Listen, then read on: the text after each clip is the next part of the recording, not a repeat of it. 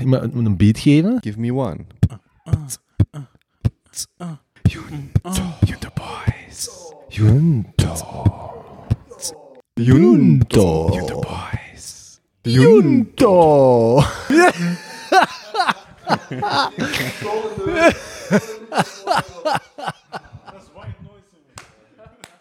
Draai 1, 2, Polizei, 3, 4, Brigadier, 5, 6, nee, nee, nee, nee, nee, nee, Gute Nacht. 2023, godverdomme. 1, 2, Polizei, 3, Brigadier. Red means recording, zegt. Ik denk dat we een goesting in hebben. Ik heb het gevoel dat we hevig staan. Het is weer lang geleden. Eh, De hele... Is het twee weken? nog Ja, niet zelfs, denk ik wel. plu- Plus, minus. Is dat al twee weken geleden? Ja, toch bij kerst, hè? Ja, toch. Tuss- tussen kerst en nieuw. Hmm. Gezellig. Hoe was het nieuwe jaar geweest? Voor de boys? Zalig, heel leuk. Ik heb er een drukke weekend van gemaakt. Een weekendje. Ja, Oh, gezellig. vrijdagavond vertrokken, zondagmiddag met de kater terug richting thuis. Hmm. Ik heb een nieuwe traditie. Oh. Ik blijk in ene keer de laatste paar jaar 1 januari voor de helft van een dag door te brengen in bad. Oh, zalig. Ja, Oh, gewoon, prachtig. ik merk, eh, met ouder worden die katers worden er niet minder op. Mm. Dus ik kom Mm. thuis, ik voel mijn eigen meestal vrij belabberd. En Mhm. ik pak, ik heb echt een goed bad bij mij op het appartement, even af. En ik pak dat eigenlijk maar drie, vier keer per jaar. Schandalig. Oh. Maar op een of andere reden, de laatste twee, drie jaar, 1 januari, ik zie dat bad staan, ik denk, Kruipen nog eens in. we have a date. Springen. Ja. Oh, zalig. Ik vind bruisballen wel leuk in bad. Mm, die heb ik dan ook. Ja, Ja. ja, ja, ja, van Lush. Ja. Goh, het beste vind ik om te blijven zitten, een serie kijken of zo, wachten tot het water Mm. koud is en dan zo nog wat Beetje warm meer laten erbij. lopen.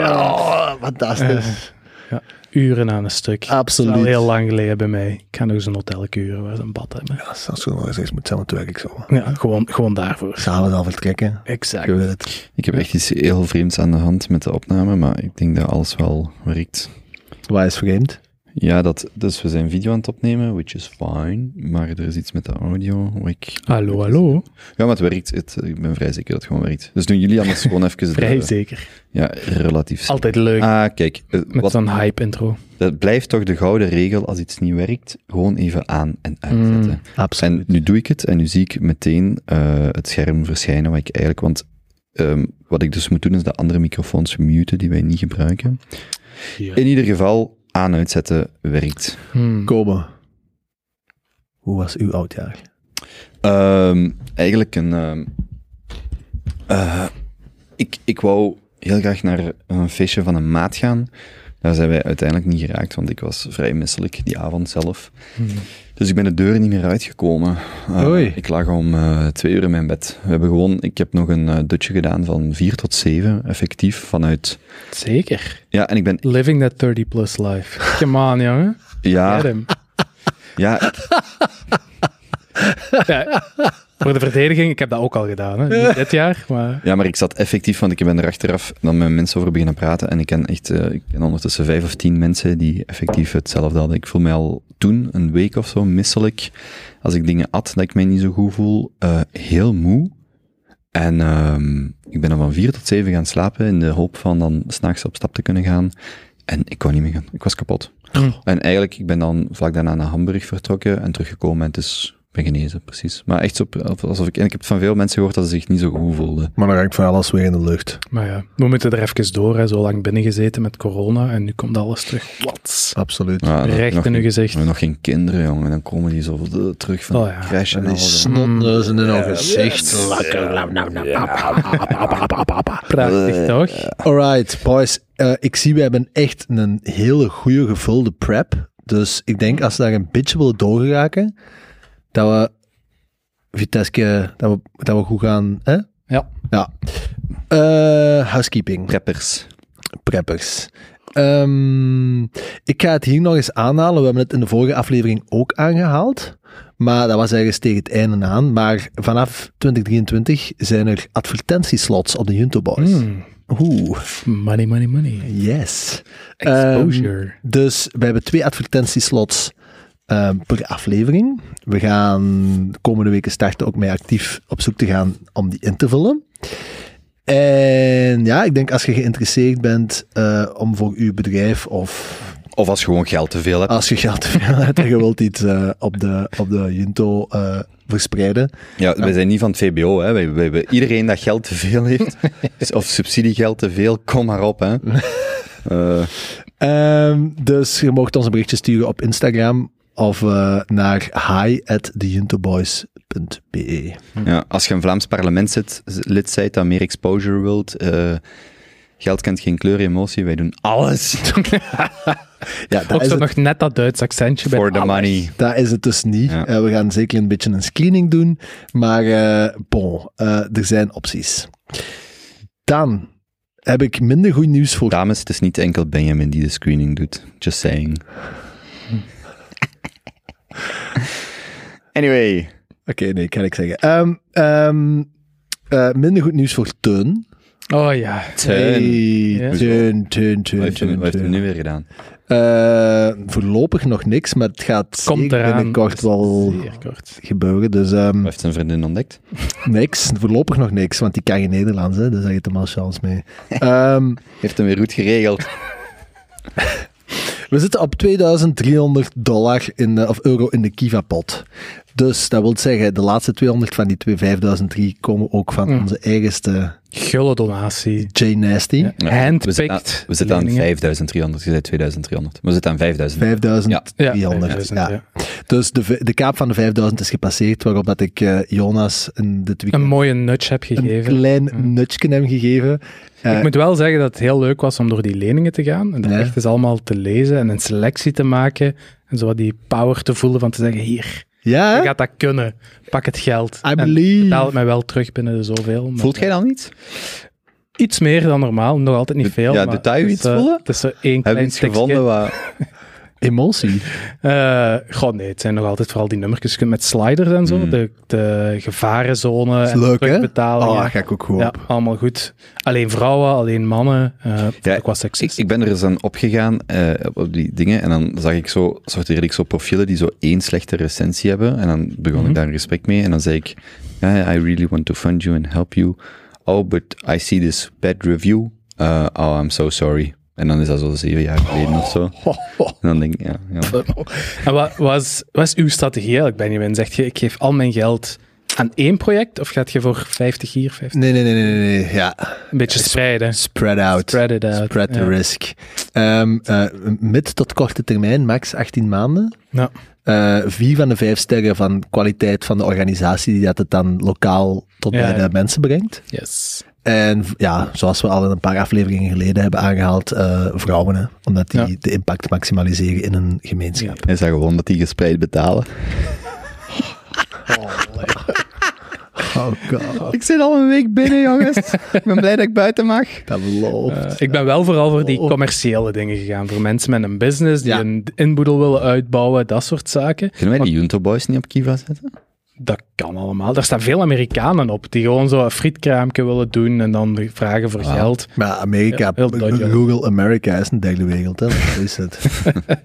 Oké. Dat is waar. Ja, Ja. sorry, is dat al alles geweest? Dat scheelt niet veel, hè. Nee, dat is Ja, waar. ja, dat is waar. Maar oké, het zit goed gevuld. Hè? We hebben weer veel mensen geholpen en we gaan Absoluut. er mogelijk nog veel meer helpen eens eh, nog wat geld geven. Ja, ik denk eh, eh, dat eh, onze allerbeste Teun, ja, hij hangt eraan, hè. Als je dit hoort, Teun, ehm, Mhm. TikTok, time to pay up. Ehm, voilà. Dus ik denk dat die kaap van die 5500 tegen de volgende aflevering mogelijk En die, wel die 5500, als je nu je lening terugkrijgt en je investeert die opnieuw, telt dat weer bij. Ik- Ah, dus je voelt je nog beter, ook al heb je eigenlijk niet veel. Oh. Maar ja, dat je speelt eigenlijk derde wereldbank, hè. Ja, ja, dat is waar. Het geld komt terug Ja. en je doet het gewoon opnieuw. Dus je- it's a gift that keeps on giving. Dat is Ja. prachtig. Ik vind dat echt een heel mooi systeem. Ja, ja. Jezelf op de schouder kloppen zonder iets te doen. En die pakken Mij moet je gewoon- niet overtuigen. En die pakken gewoon commissie op alles. Dat is het mooie systeem. Nee, die pakken niks commissie. Maar dat zijn toch ook fees? Nee. Creditcard fees? Nee. Niks. Ja, je moet die vragen elke keer als je een donatie doet Ja, voor een... er is eh, wel een donatie aan Kiva bij iedere donatie. Maar je kunt dat op nul zetten, hè. Ik zet dat altijd op. Maar wat zijn uw fees dan aan plaats als jij betaalt? Nee, je doneert ook. Je kunt ook doneren aan Kiva. En by default staat dat op 10%, maar blijkbaar, ik wist dat niet, dus ik heb gedoneerd aan Maar Kiva. jij, hoe betaalt jij Kiva aan? Via PayPal? Of via... Whatever. Je zet geld op Kiva. Ja, via bank, bankrekening of via PayPal. Maakt niet uit, ja. ja PayPal, bankrekening. En die pakken daar geen fees op. Nee. Hmm. Maar dat is Maar- echt een NGO, hè? Dat is echt een VZW. Maar dus ik moest eh, daar 250 inleggen en dan zetten zij standaard, ik zou willen zeggen 30 of 35 dollar, ook doneren aan Kiva. Hmm. Ik wist zelfs niet, ik heb ook niet lang gekeken, maar dat je het op nul kon zetten. Dus nu hebben die 35 euro gehad. eh, dat is Oké, een mooie procent, hè? dat is 12, 13 procent. dat brengt mij zelfs bij mijn stressje wel. Voilà, dus dat is daar. Eh, ik denk, eh, voor de rest zijn er niet al de grote housekeeping dingen te doen, buiten misschien een smakelijke like en subscribe. iemand, iemand zich geroepen? Hmm. Kom erbij, volg het nieuwe jaar, Oh. schrijf je even in. Spotify, YouTube, waar dan ook. We hebben hier graag bij. En het nieuwe jaar is begonnen. Hopla. Poeng, poeg. Dat brengt ons bij vraag 1, boys. Hoe gaat Mm. het? Ik ga ondertussen nog eens kijken of we nieuwe reviews hebben. Op iTunes. Oh ja. Misschien dat Lang- jij aan de spits afbijt. Waarom ook niet, hè? We zijn begonnen bij het menselijke, het gevoelige. En we gaan helemaal weg daarvan, want who gives a shit. Zit je nog aan het bouwen? Aan het bouwen. Eh, mijn huis, ja, Ja. dat is nog allemaal bezig. We zijn aan het wachten op de ramen. Die zijn, echt Dat zijn... planningen. Dat is ja, echt niet de sterkste kant van die bouwboys, maar dat heb ik al gezegd. Hè. En Excel is the only way out. En ik hou me eraan vast totdat ze opleveren. Hmm. Maar daar ging het eigenlijk niet over. Mijn eh, hoogtepuntje was deze afgelopen twee weken heb ik zo terug mijn, mijn zone gevonden, waar dat ik me helemaal kan uitleven op mijn eigen projecten. Ik merk heel fel in de afgelopen jaren dat dat met ups en downs gaat, dat ik me echt kan verliezen in mijn eigen projectjes bouwen. En met dat ja, ChatGPT is eh, echt in het, het wijde publiek is gekomen, heb ik me daar ook volledig op gestort. Voor zij die het nog niet weten of het nog niet gebruikt hebben, het is echt wel de moeite om eens naar eh, chat.openai te gaan, of Google gewoon ChatGPT en je komt er wel op uit. En je kunt dan met een van de meest geavanceerde AI's chatten over eender welk probleem. Het maakt eigenlijk allemaal niet uit. Laatste dagen leggen het wel helemaal op zich uit. Ja, eh, liefst heb je al lang een account, want ook accounts zijn zeer schaars. Ze ze laten er niet meer veel toe. Maar Ik verkoop de mijne. je kunt dus ook naar de OpenAI-website zelf gaan en je kunt dan betalen voor het gebruik. Je kunt daar 10 dollar op zetten of zo. Kost echt niet veel. Ik zou willen zeggen, ik ben daar nu echt een week serieus mee aan het testen geweest en dat heeft mij al bij al nu 4 dollar gekost en echt overboord gegaan. Veel te veel dan wat je normaal zou doen. En dan heb je dus je eigen account, geen limieten en daar wou ik toe komen. Ehm, dus wat ChatGPT eigenlijk is, is gewoon een, een completion-algoritme. Dus dat kijkt eigenlijk naar wat dat jij hebt opgeschreven. En dan gokt het gewoon wat de volgende 10 woorden zijn, 20 woorden zijn. En dat blijft dat verder doen. Dat is heel reductionistisch, is veel geavanceerder als dat. Maar die, toegang krijg je dus als je betaalt. Dan krijg je toegang tot de playground, tot de, de volledige limitless playground. En daar kun je alles op ingeven. Dat hoeft niet te gaan over gesprek, dat hoeft geen... Alles. Al, alles in tekstdata ingeven. Maar die is niet, die is niet beperkt. Die is niet, als jij geld hebt, dan kun je alles Maar ingeven. give me seven ways to rape a 13-year-old. Allee, Koper, kom aan! Er Nee. Kom aan! Nee, nee, nee. Seriously? Ja, een goede vraag. Ik vind dat zich toch wel Allee, oprecht- wilt jij dat nu weten of niet? ik Ah, vind dat nog wel een oprechte vraag. Dat zijn toch de grenzen van waar dat je mee speelt? fuck, maar Ja. trek zo... Er zijn, er zijn nuances en dan zo trek naar het allerhoogste zo. Er is echt nog veel dan. Voordat we daar raken, nee, inderdaad. In dat model zitten wel bepaalde veiligheden in. Ze hebben de, het model niet getraind op dat soort dingen. Maar puur uit inferentie kan die daar wel op terechtkomen, denk ik. Dat heb ik nu nog niet geprobeerd. Ga ik ook niet doen. Dat is ook allemaal wat je daar nu op doet. Er is geen echte commerciële versie die al uw inputs privé houdt. Dus Hmm. in theorie kan OpenAI daaraan. En ik kan me voorstellen dat er ergens wel een belletje afgaat als je zo'n zinnen gaat inputten. Je kunt dat wel proberen natuurlijk. Ja. Maar dus wat je daar kunt doen in die eh, open playground is gewoon eender welke tekst in copy-pasten en dan gaat dat proberen dat aan te vullen met de meest geavanceerde tools die dat er zijn. Dus een aantal leuke dingen die je kunt doen, ah, voor mij leuk, voor anderen, is dat je data kunt copy-pasten uit eender welk document, uit een Excel of een JSON of wat dan ook. En dan gewoon kunt zeggen, eh, hier is mijn bankdata, mijn transactiedata. En hier is de data in een leuke tabel met deze kolommen. En omdat je dan gezegd hebt, hier komt nu de data met leuke kolommen, gaat hij dat proberen aan te vullen door te begrijpen wat ervoor staat. En zo voor u eigenlijk heel die data analyseren, structureren, juist zetten en in uw formaat knallen. En nu gisteren ben ik erachter gekomen dat je dus ook Daar, daar, zijn ze allemaal samen pas een paar dagen geleden achtergekomen. Dat je een soort van programma aan het begin kunt zetten van ChatGPT. En dan kunt programmeren wat dat de output gaat zijn. Dus wat blijkt nu, is dat jij daar kunt ze- zeggen, je hebt deze persoonlijkheid, dit zijn uw traits, dit doet je graag, hier praat je graag over. Als dit gebeurt, dan doet je dit. En daar is nu een heel document van uitgekomen van alle parameters die dat ze nu al gevonden hebben om in te stellen. Om dan zo uit te komen op een gesprekspartner die op een bepaalde manier praat. En die je dus ook al die Myers-Briggs personalities kunt geven. Die dat je echt hele rollenpatronen kunt laten aannemen. Jesus. En dat is eh, heel erg cool. En zeker ook met die data, dus zo ongestructureerde transactiedata, daar gaat hij dan categorieën op beginnen te plakken. Die gaat nieuwe inzichten geven in dingen die al bestaan. En dat is echt heel erg vet. Mijn gedachten gaan direct naar games. Eh, ja, ja. Vrij realistische, effectieve persoonlijkheden gewoon, niet gescript. Yes, inderdaad. Ja, die chatbots zijn nu al heel goed. Je hebt zo'n Boeddha en daar kun je dan mee praten over het spirituele en het levende. Eh, ik heb een Basha proberen te maken, maar die heeft nog wat refinement nodig. Hm. Eh, en je kunt zo eigenlijk alle soorten karakters ja, kweken eigenlijk. Hè? Ik ken een site, ik heb dat denk ik de vorige keer niet aangehaald tijdens de kerstspecial, want ik had dat mee in de, de, in de preparation gezet, maar er is een site met zo de, een OpenSea voor NFT's, maar dan voor eh, ChatGPT of AI persoonlijkheden. Dus je kunt met Elon Musk praten, je kunt met eh, Einstein, met Socrates. Eh, ik zal dat mee in de show notes zetten. Dat is echt heel cool. Ja. Echt heel cool. En eigenlijk daaraan gerelateerd was ook dat ik blij ben dat ik terug in de zone ben geraakt. Ik ben ook wel bij, bij jullie benieuwd wat, wat dat betekent om voor u in de zone te zitten bij u thuis. Ik zal voor mij het even schetsen. Dus voor mij om perfect in de zone te geraken, moet ik 's morgens kunnen opstaan zonder wekker. Anders is het negen kansen van de tien al om zeep. Dus dat wil zeggen tien uur, half elf.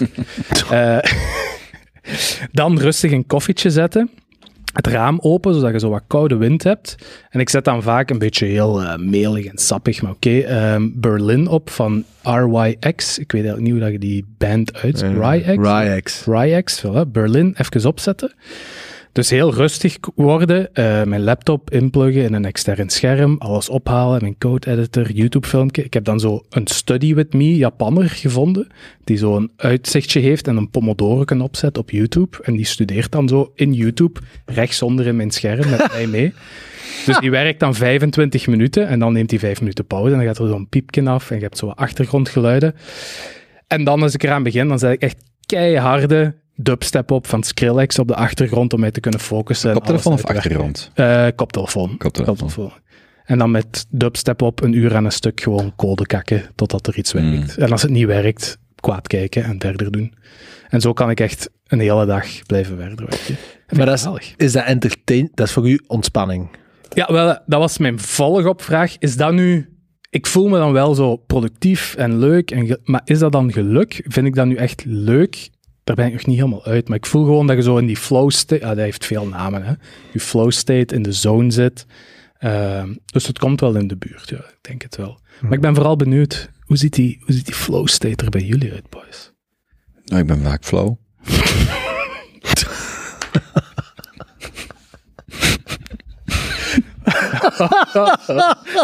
Ah, my. Ehm, Amai, dat was, dat was wel echt beter als Ja, ja. het wist. Inderdaad. nee, ik, ik was... Hoe lang was je daar al op aan het sparen? Nee, dat kwam heel spontaan. dat kwam heel spontaan. Eh, Nee, ik was gewoon aan het denken, ehm, bijvoorbeeld voor mij flow state is als ik eh, tijdens een gesprek ineens, en dat heb ik al een paar keer gehad, zo, er is twee uur voorbij. Dat, ik zo, dat ik me herinner, de laatste keer wanneer ik op mijn scherm heb gekeken, waar we drie kwartier aan het opnemen, en nu twee uur en drie kwartier. Ja. Maar dat is iets anders voor mij dan hoe kom je in de zone, omdat ik kan niet die flow state engineeren. Ik kan wel stappen zetten die mij daar dichter toe brengen, maar ik kan niet zeggen, ik ga nu, want dat is zo, dat is meestal Hmm. retrospectief dat ik dacht, dat ik merk van, wow, dat is net gebeurd. Ja. En dat is heel zelden proactief dat ik mij ga opzetten om, maar natuurlijk, hè, en dus dat zijn gewoon voor, voor mij zo twee verschillende dingen. Maar dan hangt het meer af van de, de gasten, het onderwerp, de... Ja, ja, en je weet dat ook op voorhand zelf niet. Want als ik uw vraag initieel hoorde, voor mij gaat dat zo om, wat mij ook, ook zo'n soort van routine. s'morgens van hè, mij koffie zetten en douchen en zo, dat geeft heel veel rust. Maar wat voor mij heel goed helpt, is gewoon, allee, als, als omkadering, is eh, blokken tijd creëren. Dus Hmm. echt zeggen, ik ga nu twee uur, drie uur, vier uur enkel dit doen. En, Ja. en dat is iets wat, dat lukt zeker niet zo vaak als ik zou willen, maar de keren dat dat lukt, heb ik het gevoel dat ik echt heel veel, en dat kan even goed zijn, ik ga nu naar buiten, ik ga vier uur wandelen en ik kom, of ik ga, ik ga bijvoorbeeld in de zomer doe ik dat vaak. Mechelsbroek vind ik daar heel mooi voor. Eh, dan rijd ik naar het Muizenstation, geloof ik. Zet ik de auto daar en daar kun je eigenlijk langs de Neten, denk ik, dat weet ik nu niet meer, eh, wandelen. En gewoon mijn podcast op bijvoorbeeld, of iets wat ik wil, echt een, ja, dat zijn dan wel zware podcasts, à la Balaji. Mhm. En dan kan ik eigenlijk echt het gevoel van, ja, dat doet mij dan zo heel veel, zo dat soort dingen. Of iets eigen, of iets waar ik aan, aan, over aan het denken ben of zo. En ik zal dan heel vaak bijvoorbeeld op stop zetten, tegen mezelf praten, vragen beantwoorden. Zo, als je concreet over iets... Dat zijn zo wel momenten dat ik daar dichtbij kom. Zo, dat ik dat gevoel, en dat geeft me een heel fijn gevoel. Ook heel tof. Maar dat zijn eigenlijk altijd, dat zijn bijna altijd wanneer je blokken tijd hebt, wanneer je kunt zeggen, ik ga nu twee, drie uur echt aan iets zitten, aan Ja. iets werken. Ehm, ja. Alright. Nog iets of gaan we verder? Nee, dat was het. Eh, ik vond het fijn om mijn flow state en mijn projectjes teruggevonden te hebben. Nice, very nice. Keube, ik zie geen hoogtepuntjes staan bij u, dus er is er geen, anders... Ehm, nee, ik heb gewoon mijn hoogtepunt in, een, eh, in het formaat van een eh, dieptepunt gegoten. Eh. Dus om, om niet op alles... eh, Dan komen we daar subiet aan. En bij u, Benjamin? Ik, eh, ik heb twee hoogtepuntjes. Hmm, riding high. Yes. Eh, eerste is, ik heb zondag namiddag, en hij gaat dit ook horen, want hij is mm. trouwe luisteraar, blijkbaar sinds kort. Gisteren nog eh, de klassieke, ehm, eh, ik heb een, eh, een eh, technologieprobleem hotline vraag. maar mijn vader dus luistert sinds kort Hmm. eh, ook naar de Jinto. Ja. Hey papa, Ja. hallo. Hey.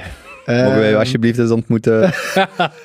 En ehm, eh, ik heb zondag met onze pa eh, een, een podcast opgenomen. Ach, Oh, echt? Ja, Jesus. Ja. Alright. dus wij hebben een familiezaak. Hè?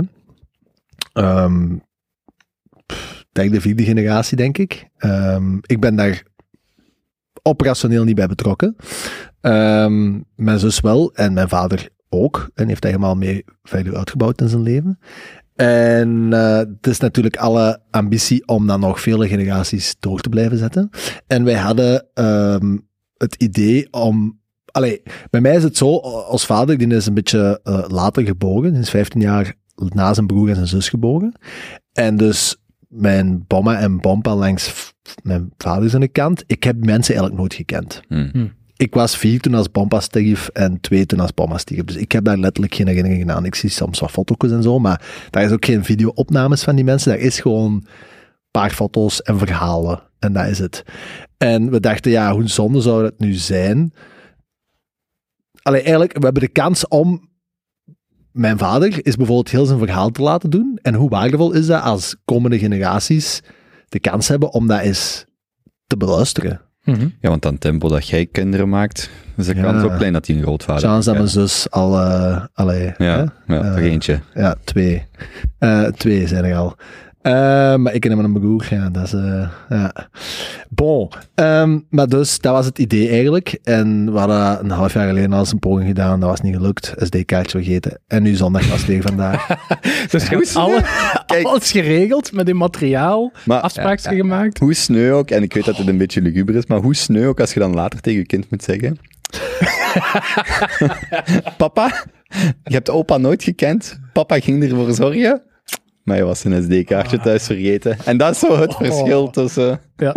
ja, dus eh, nu was het allemaal in orde. Eh, hij was wel een beetje ziek, maar bon, dan uiteindelijk eh, toch doorgezet. Mm. En een, eh, een deel 1 is opgenomen. En ik denk dat we met een paar weken, nog een paar maanden... nog een En heb je, deel heb je dat gestructureerd? Heb je gewoon een aantal Ik heb dat themavragen? totaal niet voorbereid. Ik, eh, ik dacht, pff, ik ga gewoon chrono- chronologisch gewoon en Mhm. gesprek laten leiden. En dat was echt heel waardevol al. Gewoon dat gesprek, dingen dat ik gewoon niet wist. Hè?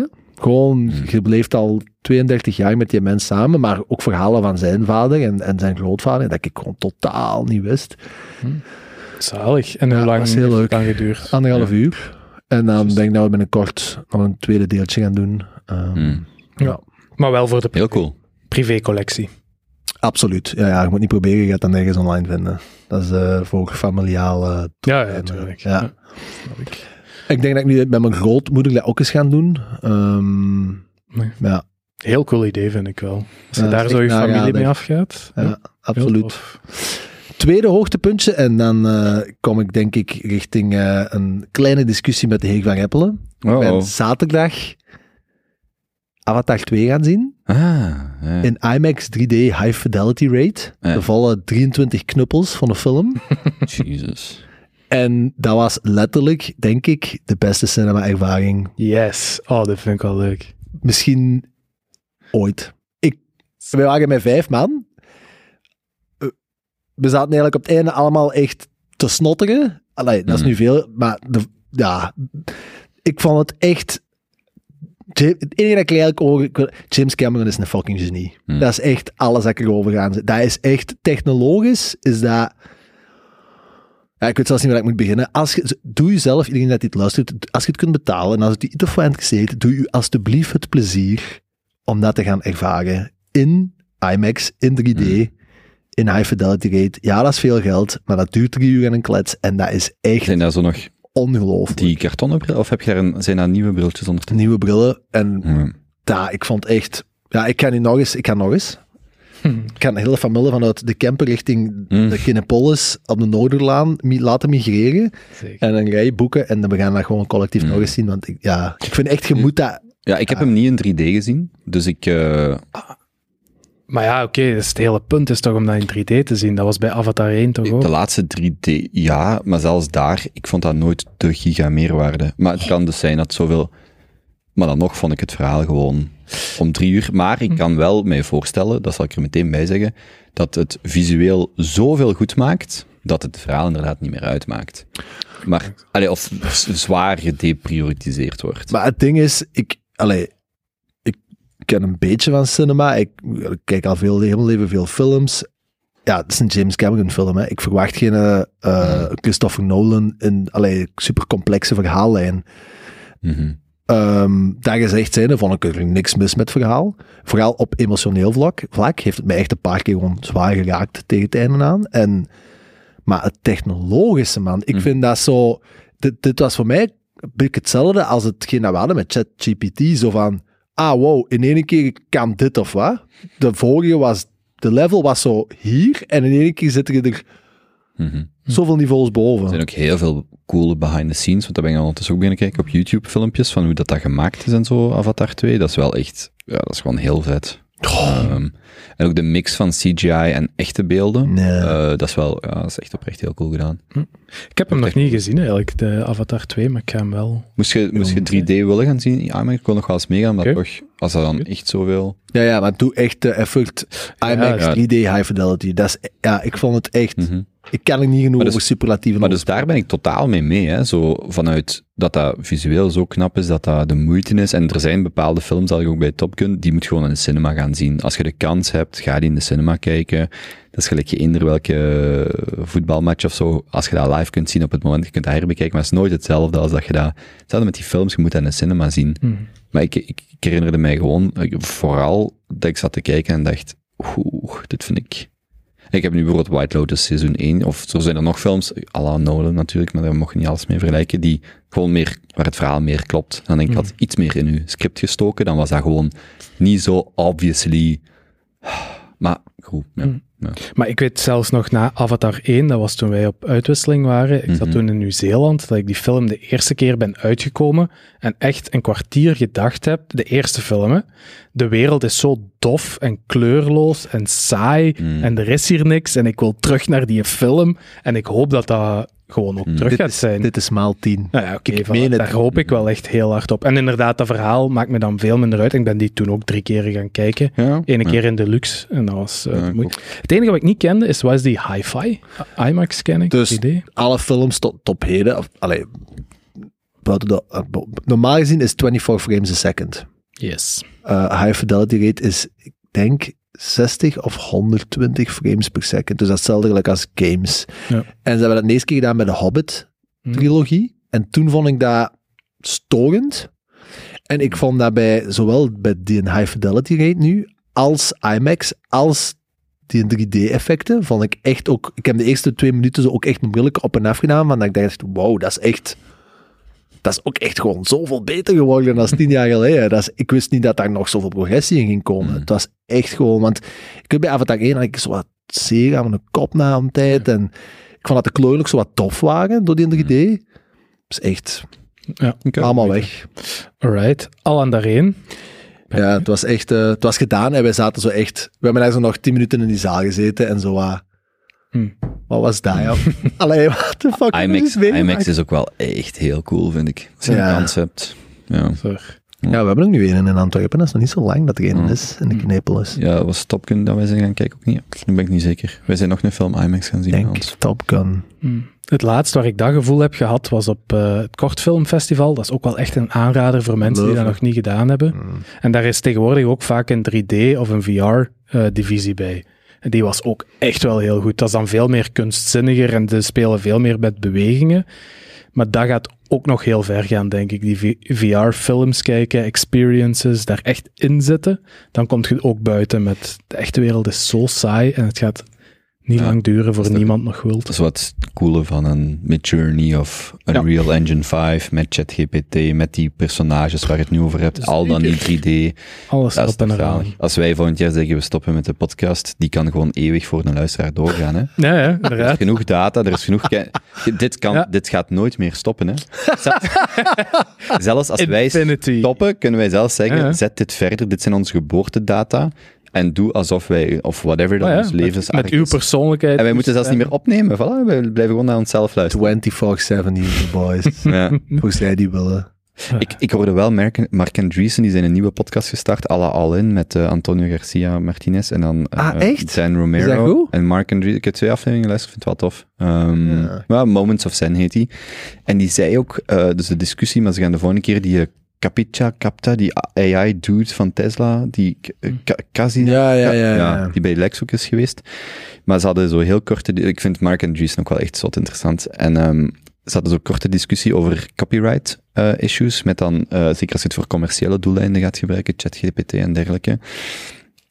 En hij zei eh, op zijn Mark Andreessens heel kort, heel gevat, ehm, van kijk, eh, we kunnen ook data pakken die copyright-vrij is, dan moeten we terug naar 1922 of zo, 100 jaar, om alle copyright. En we laten gewoon AI trainen op alle kennis die tot dan toe eh, bekend was en we, gekend was. En dan zien we wel wat dat daaruit komt.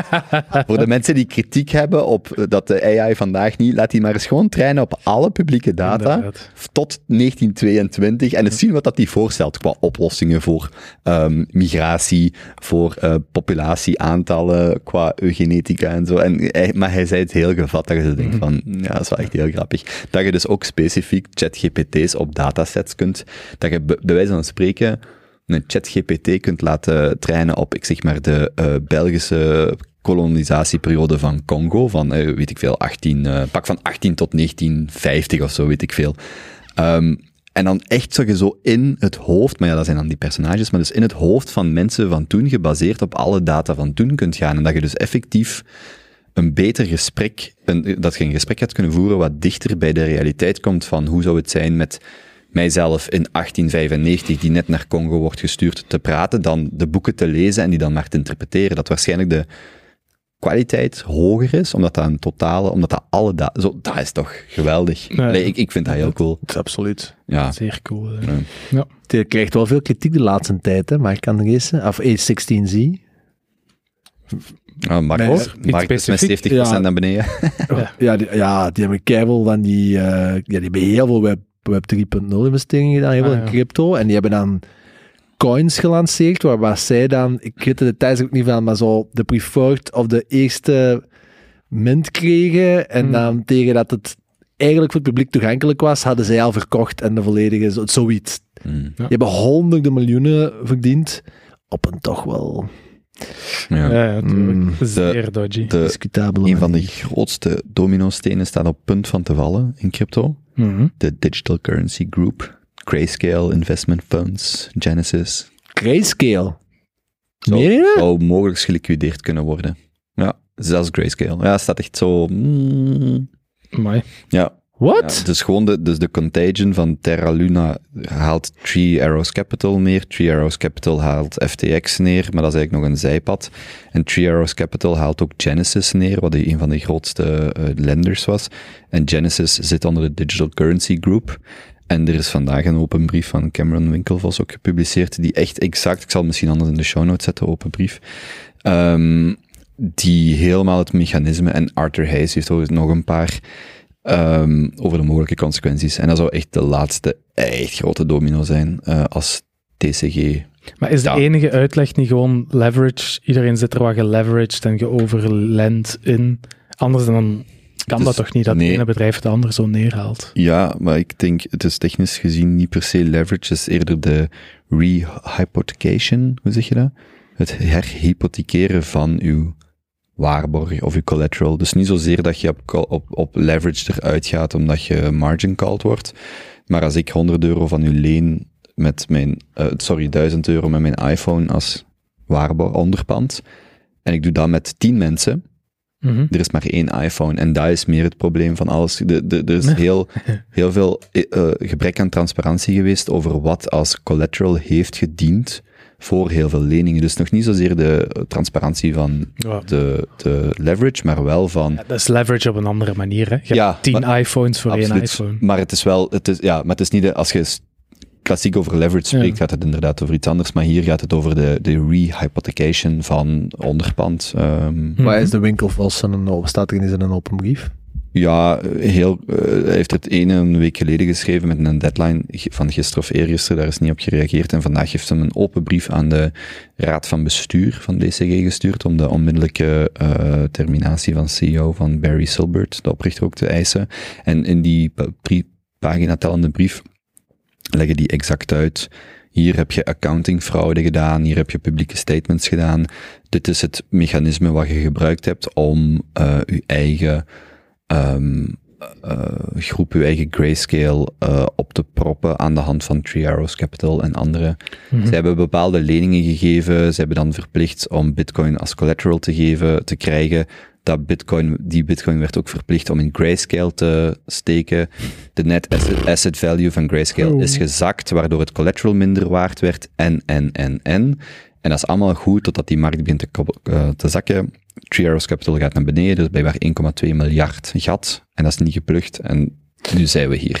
Yes. Ja, misschien... eh, kan ik- Maar, eh, hoeveel, hoeveel bitcoins in Grayscale? 4, 5 procent van alle bitcoins. Hm. Dus dat gaat echt ja, Maar en een, een miljoen of zo. Tether zit er nog altijd ergens tussen. Hè? Ja, en die blijven bestaan gewoon- nog, hè? Die blijven, blijven Zolang die bestaat. nu, ja. Als die over kop gaan, dan ga ik Dan- dan, baaien. dan ja, koop ik dan, het. Dan gaat het terugkopen. Ja. Ja, Maar dan gaat alles tits up Dat is eerst. Hè? misschien de grootste. Dat is echt, eh, ja, dat, is de Dat dat daar nog zweeft is... TikTok. TikTok, Zal- TikTok. Zolang dat zweeft, is er nog ruimte voor 50% dips. Ja. Zeker. Ja. Hoewel, het is wel zo, het blijft wel, van, het krijgt de slechtste naam, maar het blijft wel. Dus alles wat de beste naam kreeg, zijn de FTX en dergelijke, die zijn ondertussen belly up. Ja, en maar- miljarden aan. Het geheim van Tether is, die kunnen gewoon printen. Je, je gaat het nooit weten. Ja, Er zit... Dat is waar. Ik ga even een pin steken in deze discussie, want ik denk dat we veel van onze luisteraars aan het afranteren zijn met als we te, te diep gaan, te vroeg in de podcast en de, in de crypto. Ehm, dus ik ga gewoon even eh, doorgaan naar de stressjes. Ehm, Van Rappelen heeft alleen maar stress. ja, Ja. Ja, ik, heb, ik zal eigenlijk gewoon eentje is een semi-stress, het andere is echt een stress. Jullie hadden het net over zo die Kiva en de percentages, wat dat die van commissie pakken. Nee, maar die pakken geen commissie. Ja, wat ze mogelijk, wat ze, ja, ik, ik ga dat toch eens checken. Uh, Nee, nee, Kobe, ik heb al zoveel, ik, heb dat, ik geef dat nee, nul. Nul. Zou je dat kunnen loslaten als Benjamin zegt, vertrouw mij gewoon.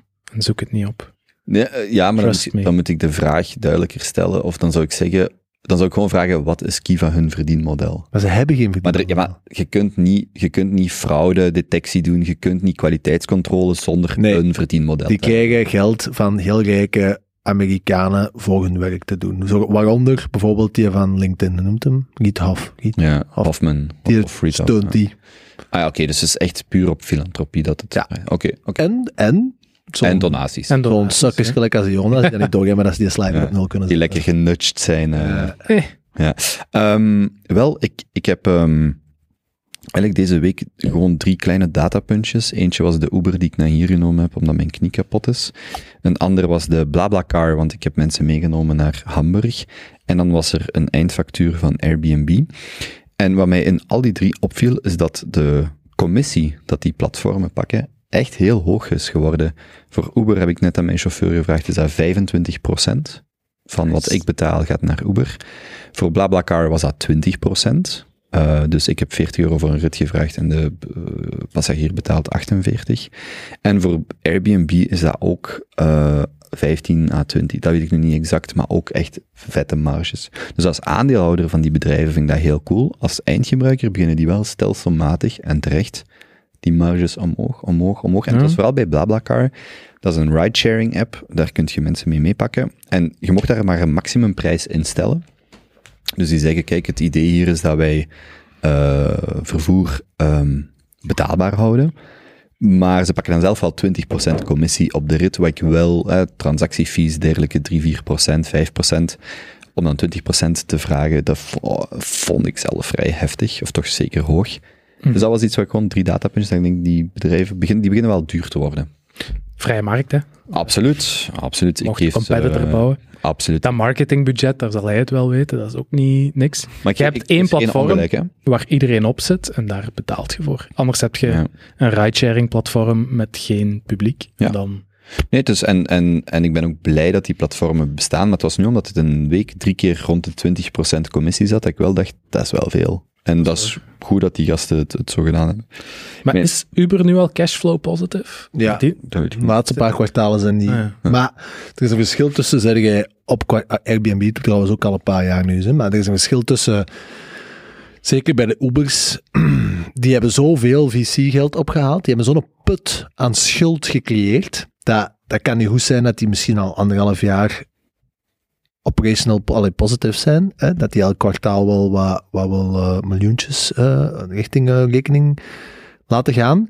Maar ik, ik ben niet zeker, maar ik denk, ik acht de kans dat Uber bijvoorbeeld zijn put van al het geld dat er ooit is ingestoken, al heeft dichtge- dichtgereden, echt, Hmm. kans is heel klein. Ik weet bijvoorbeeld Tesla, hè, wat ik trouwe luisteraars weten, heel, bye, bye. heel secuur volg, die hebben dat, als ik, ik zou, ik ben niet zeker, maar naar mijn gevoel denk ik dat de, dat, dat de op anderhalf of twee jaar geleden tijdens een kwartaal eh, eh, meeting, hè, zo de, wat dat kwartaalcijfers waren, dat hem zei van nu, we hebben juist nu met de winst van de afgelopen, wat is het, twee, drie jaar, want die zijn ook nog niet zo lang winstgevend, hebben we nu juist de put dichtgegeven. Vanaf nu zijn we echt, Mhm. en hij heeft dan bijna twintig jaar geduurd. Hè.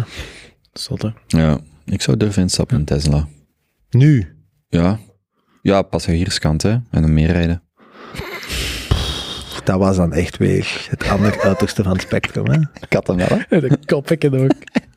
Ehm, Dat was uw, uw stress. dat was, ja, dat was mijn hals. Vies. Mijn, mijn ander stressje is eigenlijk, ik ben, eh, mijn, mijn echte stressje nu is, ehm, ik ben geopereerd. Hebben ze die vijs terug kunnen vastzetten?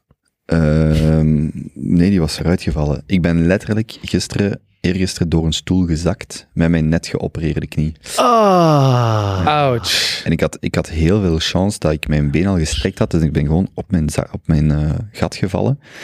Die mensen van die zaak, die hebben zich kapot verschoten, want die zagen al dat ik een brace aan had, eh, of dat toen ik binnenkwam.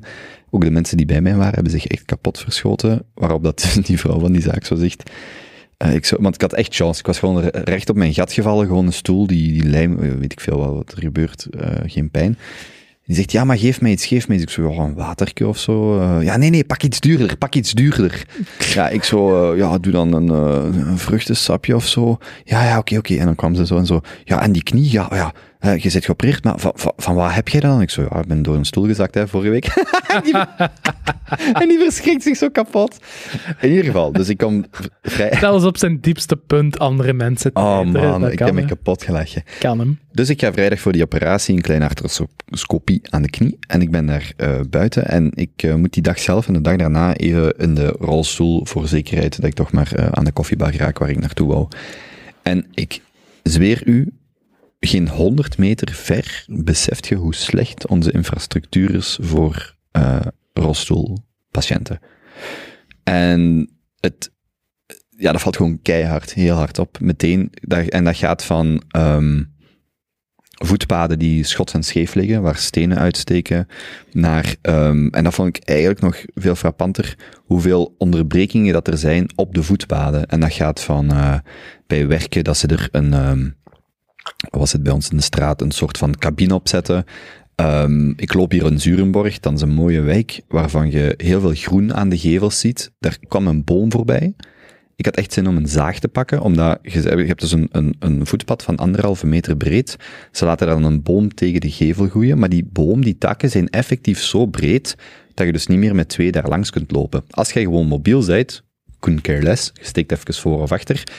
In een rolstoel is dat echt vrij irritant, omdat je al moet, ja, de kans hebt gewoon dat je eraf ligt. Allemaal van die heel kleine dingen. Ik had gelukkig na de tweede dag mijn rolstoel niet meer nodig. Allee, of ik ben gewoon niet zo ver gegaan. Dus ik heb dikke chance. Maar dat is ongelooflijk. Je kunt bijna geen enkele zaak meer binnen. Hoeveel... En je kunt erop letten, maar als je niet in een rolstoel zit, dan vergeet je dat meteen. Hoeveel borduren dat er zijn, opstapjes. Zelfs... Goed, en bij privébedrijven is dat nog één ding, maar zelfs met de trein, de tramsporen. Dat is echt ongelooflijk. Ik vond, ik vond heel... ehm, want ook... eigenlijk- Confronteren. confronteerd. Je komt uit die rolstoel en je denkt daar ook niet meer over na. Hè? Dus dat is dan ook altijd zo de, de, het, ja, het probleem of het drama van mensen die daar wel lang in moeten zitten. Maar ik vond het heel frustrerend. Ik heb in die rolstoel een beetje gezeten en dan echt gedacht van, als je dit... Boah, dit, ja, ik vond... Dat was, Mm. Maar stadcentrums zijn ook niet, voor, die zijn niet te doen voor mensen met rolstoelen. Hè? Want jij Ja. had nu nog, je had iemand mee, je kon Ja. uit je rolstoel min of ja, meer. ja, ja. Je kon je gewone rolstoel opvouwen of zo en Ja. binnengaan. Als jij in een elektrische rolstoel zit, vergeet het. hè. Je kunt Ja. Antwerpen Centrum niet binnen. En laat staan er geraken met de trein. Als jij een trein wilt nemen die ergens op een perron stopt, dan moet je twee dagen op voorhand bellen. Mm, Begin je leven maar te regelen, hè, door alles twee dagen op voorhand. Je moet daar op dat uur zijn, want ze moeten nu helpen op de trein. Dat is ook mega archaïs, bestaat in geen ander land. In andere landen hebben die treinen gewoon van die mm, zo van die mm. oprijdingsjes. Hier moeten ze een hele lift uit de kelder sleuren om naar boven te komen op je trein eh, te helpen. Dat is schrijnend. Ja. Eh, ja, maar je ziet ook dat Ja. heel veel van die gehandicapte gemeenschappen, die bevinden zich vlak buiten een stad of dorp. En die hebben dan daar alles aangepast. Ja. Die gaan dan af en toe allemaal samen met de taxi naar eh, het centrum of, of ergens naartoe. Maar zo gewoon door de stad kuieren, dat is er gewoon niet bij. Heftig. ja, Ja. ja. En bij u, Jonas, wat was uw stressje? Mijn stressje eh, was eigenlijk het om- is ook een beetje een goed momentje geweest. Ik ben nog eens met mijn opa gaan uiteten eh, begin dit jaar. Voor het nieuwe jaar en voor, eh, voor kerstmis. Ehm, en ik merkte vooral, en dat is altijd een van mijn grootste stressjes geweest, zo de, de ouderdom ehm, van de mensheid heb ik altijd heel... De dood, zo op zich, dat valt allemaal wel mee, maar gewoon het oud zijn en vooral ook het eenzaam zijn en eigenlijk gewoon de hele dag voor je hebben, alles hebben wat je wilt, maar er niks mee zijn, omdat er niemand meer overblijft. En ik begon dat wel een beetje te zien, ah, zelfs niet een beetje te zien, bij mijn opa. Eh, en daar heb ik zelf ook weer, is die stress helemaal terug, terug boven gekomen. Ehm, ja, die, die mens gaat ook eh, losjes de negentig in. Die ziet ook zijn vrienden overal sterven. Ehm, ja, vaker en vaker alleen op restaurant, gewoon hele dagen thuis. Er is wel een kleine familie, maar we, zijn, we hebben niet veel onkels en neven. Heeft eh, één zoon, één dochter, mijn mama. Ehm, ja, en ik vond het een heel aangenaam gesprek en dat was heel leuk. En voor mij was dat gewoon anderhalf uurtje op restaurant, een babbel met mijn opa, een beetje over de, de wereldoorlog, elektriciteit aanleggen, kaarten, ehm, alles wat je wilt. En voor hem was dat het hoogtepunt van zijn hele week. En ik weet zelf niet goed wat ik, daar, wat ik daarmee moet doen, want ik weet, ik ben in het besef dat die man naar alle waarschijnlijkheid zeer eenzaam is en niet veel te doen heeft. Ehm, en ik weet dat ik daarbij kan zijn, maar ja, ik kan ook niet Hmm. fulltime natuurlijk eh, die, die mens zijn, entertainment zijn. luistert al naar een podcast. Ja, dat is nu ook wel iets dat in, in zijn eigen nadeel heeft gesproken. Eh, een an- andere oudere mensen die ik ken hebben wel de sch- overschakeling nog gemaakt naar smartphones of Mhm. naar een tablet of zo. En hij helemaal niet. Dus hij kan Mhm. net sms'en en daar stopt het een beetje. Voor de rest is alles ja, krant lezen, de tv bedienen gaat nog net en daar, ja, daar, daar valt het zoals stil. Oeh, dat wordt het inderdaad. Dus dat is, eh, ja, dat is wel een beetje schrijnend. Langs de andere kant komen we dat restaurant binnen. Eh, dat is ehm, ja, de Spork in Zolder, vrij bekend, heel goed restaurant. En mijn opa heeft ook niet leren koken, heeft hij ook geweigerd. Dus die gaat altijd op restaurant. Eh, Elke dag. ja, ja, koppigheid zit in de, in de wel. Ik zal er wel eens mee gaan. Dus die gaat iedere dag iets eten en er lopen, ja, ik weet niet, tien obers rond of zo. En die zeggen allemaal goeiedag, allemaal met zijn voornaam. heeft zijn eigen tafeltje, dat altijd vrij is, zodat hem kan gaan zitten. De kok komt even buiten, goeiedag zeggen. En dat was dan wel weer heel mooi, dat zo die mensen die daar werken hem wel een beetje ja, opnemen of zo. Eh, maar ja, dat heel gevoel rond leeftijd, oud worden, eenzaamheid, de onontkoombaarheid daar- daarvan, zo gewoon even die existentiële, existential dread voor binnen, hopelijk nog zo lang, kwam wel even boven zo op de terugrit daarna. Hmm. Zo even dat besef. Maar gelijk hoe dat jij het nu omschrijft, dus gaan wij dat nog meemaken? Dat is een goed punt. Via Want- een brilletje op. Ja, Heb de spak, of weet dat weer? Ja, wij zijn, hè, we zijn er nu al, Obe 2.0. we zijn er nu al de 30 door. We gaan ervan uit, allee, we zijn wel wat mee met heel technologische luik. Dat is waar. Goed punt. Allee, sorry, Maar het is een beetje aan alle tweede kanten. Langs de ene kant is het, wat doet je met die mensen waarvan je weet dat ze het nu hebben en dat je zou kunnen helpen? En langs de andere kant, ja, voor mezelf. Maar ik denk inderdaad, de wereld zal wel stoppen voordat wij daar zijn. Maar ik denk ook wel, pas op, technologie. Wij hebben een, een, een, een vlotheid met onze technologie. Maar in 50 jaar, ik steek mijn hand niet in het vuur dat ik ga mee zijn met wat dan... Maar zolang ze je dan een bril kunnen opzetten en min 50 jaar doen en je zit terug in deze tijd, maakt niet uit, hè. Je hebt een USB-poortje van achter. Let's go, boys. Kijk er naar... Ja, Ja, we zitten al terug in de studio tegen dan. exact. Forever. En dan blijft dat zo'n infinite loop. Mijn grootmoeder zei tijdens de kerstfeesten ook wel iets waar ik zo van verschoot. Die, die heeft een moeilijk leven gehad op een bepaalde manier. Die, is, die heeft bijna 40 operaties gehad. Dus heel veel Oh. gesukkeld. Ja, heel veel gesukkeld met de gezondheid. Die heeft ook nog geen één knie niet meer. Dus die been, dat been is continu zo. Hmm. Direct. Dat is gelijk uw been. Ga verder. Dat is, ja, ik weet niet. Het zit in de familie. Mhm. Bon. Ehm, en eh, die, eh maar tegelijkertijd heeft die kinderen gehad, die heeft een zaak gehad, die allee, ook geen slecht leven gehad, hè, maar op dat vlak heeft hij wel zo wel gesukkeld. En, en nu is die mentaal nog helemaal hier. Is 82, die is echt nog, die niks van Alzheimer of zo, geen nul sprake van. Maar die zei ze ook op het einde aan het familiefeest, zei ze van, ik zei Moeke, allee, hé, na 82, hopelijk kunnen het nog tien jaar, kunnen nog tien jaar, nog tien kerstmissen doen, hè. Zei ik zoiets. En die zei heel droog van, oh nee, dat hoop ik eigenlijk niet. Mhm. Ja, dat hoort je vaker. Hè. En ik zeg, huh? Allee, Moeke, wat zegt je nu? Want die twee achterkleinkinderen waar ze elke woensdag bij is en zo. Dus, ik, Ah, ja. dus die echt nog heel veel animo wel, ze.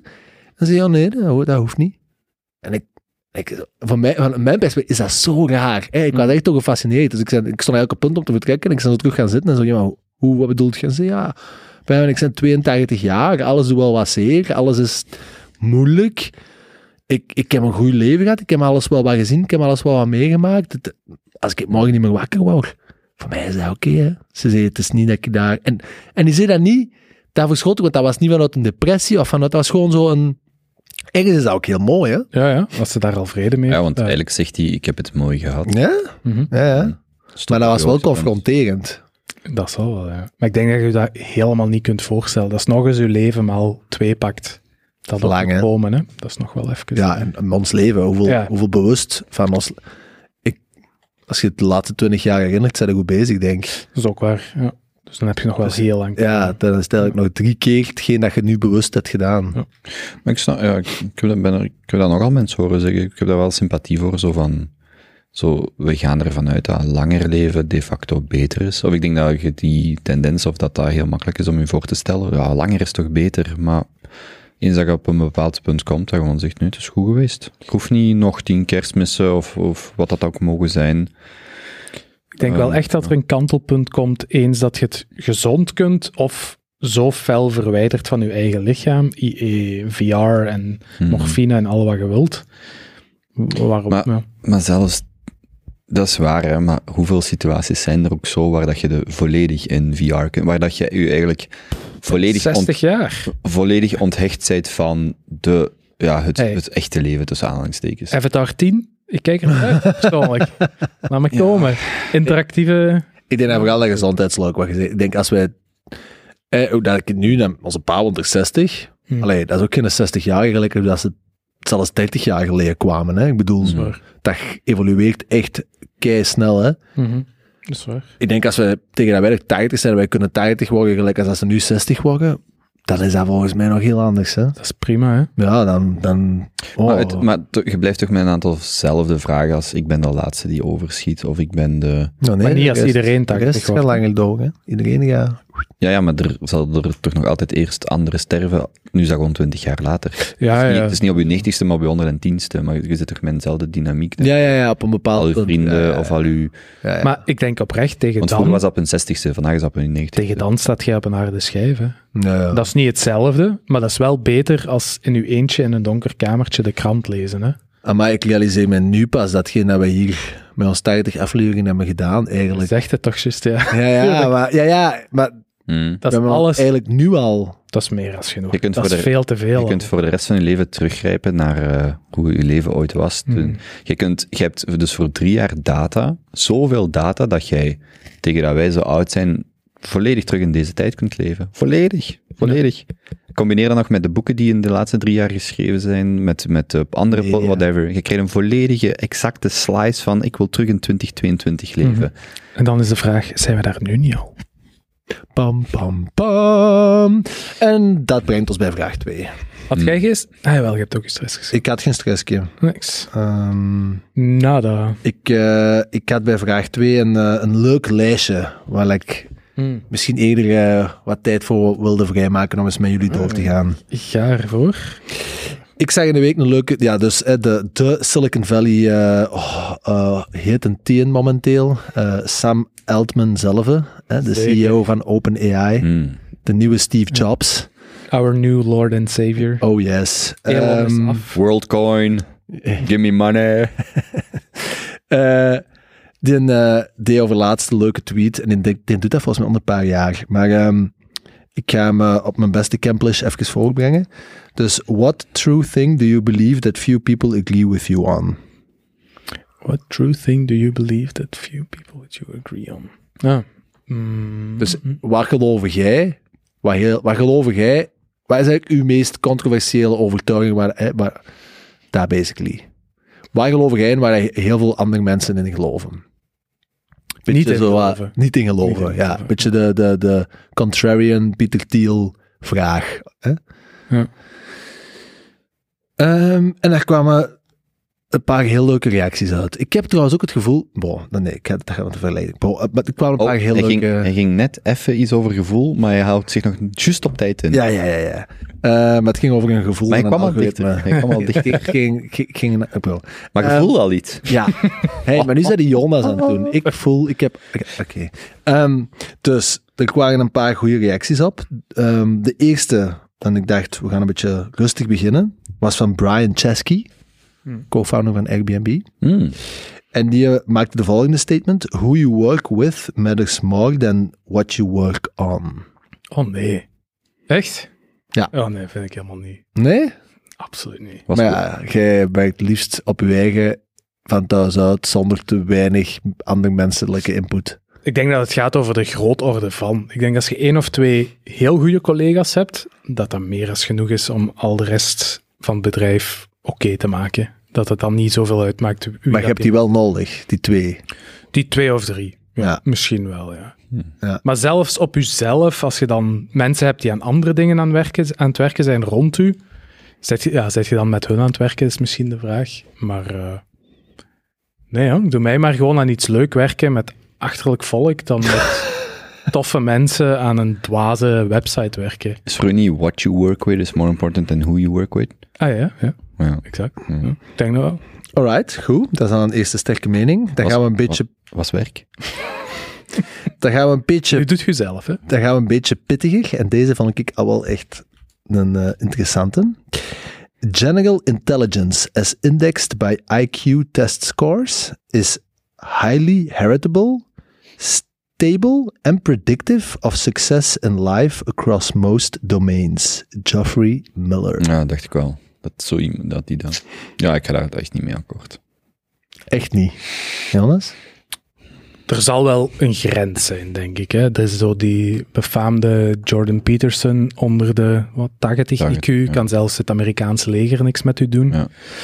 Ja, daarboven gaat de grens toch wel liggen. Of dat dan nu... Het zal zeker niet direct gerelateerd zijn, want als je over de, wat, de 140 gaat of zo, dan is het je ook niks meer waard. Dan zit je zo aan de savant. Ja, ik denk ook dat het u vaker tegenwerkt dan met u werkt in deze maatschappij. Als je zo op jezelf, op je eigen projectjes kunt werken, dan helpt het misschien wel, maar anders... Nee, ik denk het niet. Ja, bij mij gaat het vooral over IQ als maatstaf is gewoon bogus, wetenschappelijk. IQ Maar- is nog slechter dan BMI als Wa- maatstaf. Wat was het tweede deel van de quote? Wat is dan beter? Ja, dat dat her- hereditary, dat het erfelijk is, dat er dat IQ, Maar het voorspelt wat? ja, predicts. succes. Ja. Predictive of success in life across most domains. En succes zijnde zoveel mogelijk centjes.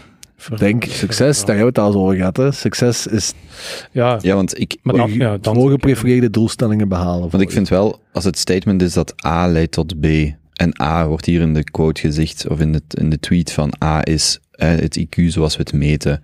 Ja, met het statement ga ik wel akkoord van A leidt tot B, zijnde van ehm, eh, dat ehm, iemand uit een zeer lage sociale klasse, waar dat en hongersnood is, en illiterateit, ehm, hoe zeg je dat, analfabet, an, an, analfabete- analfabetisme.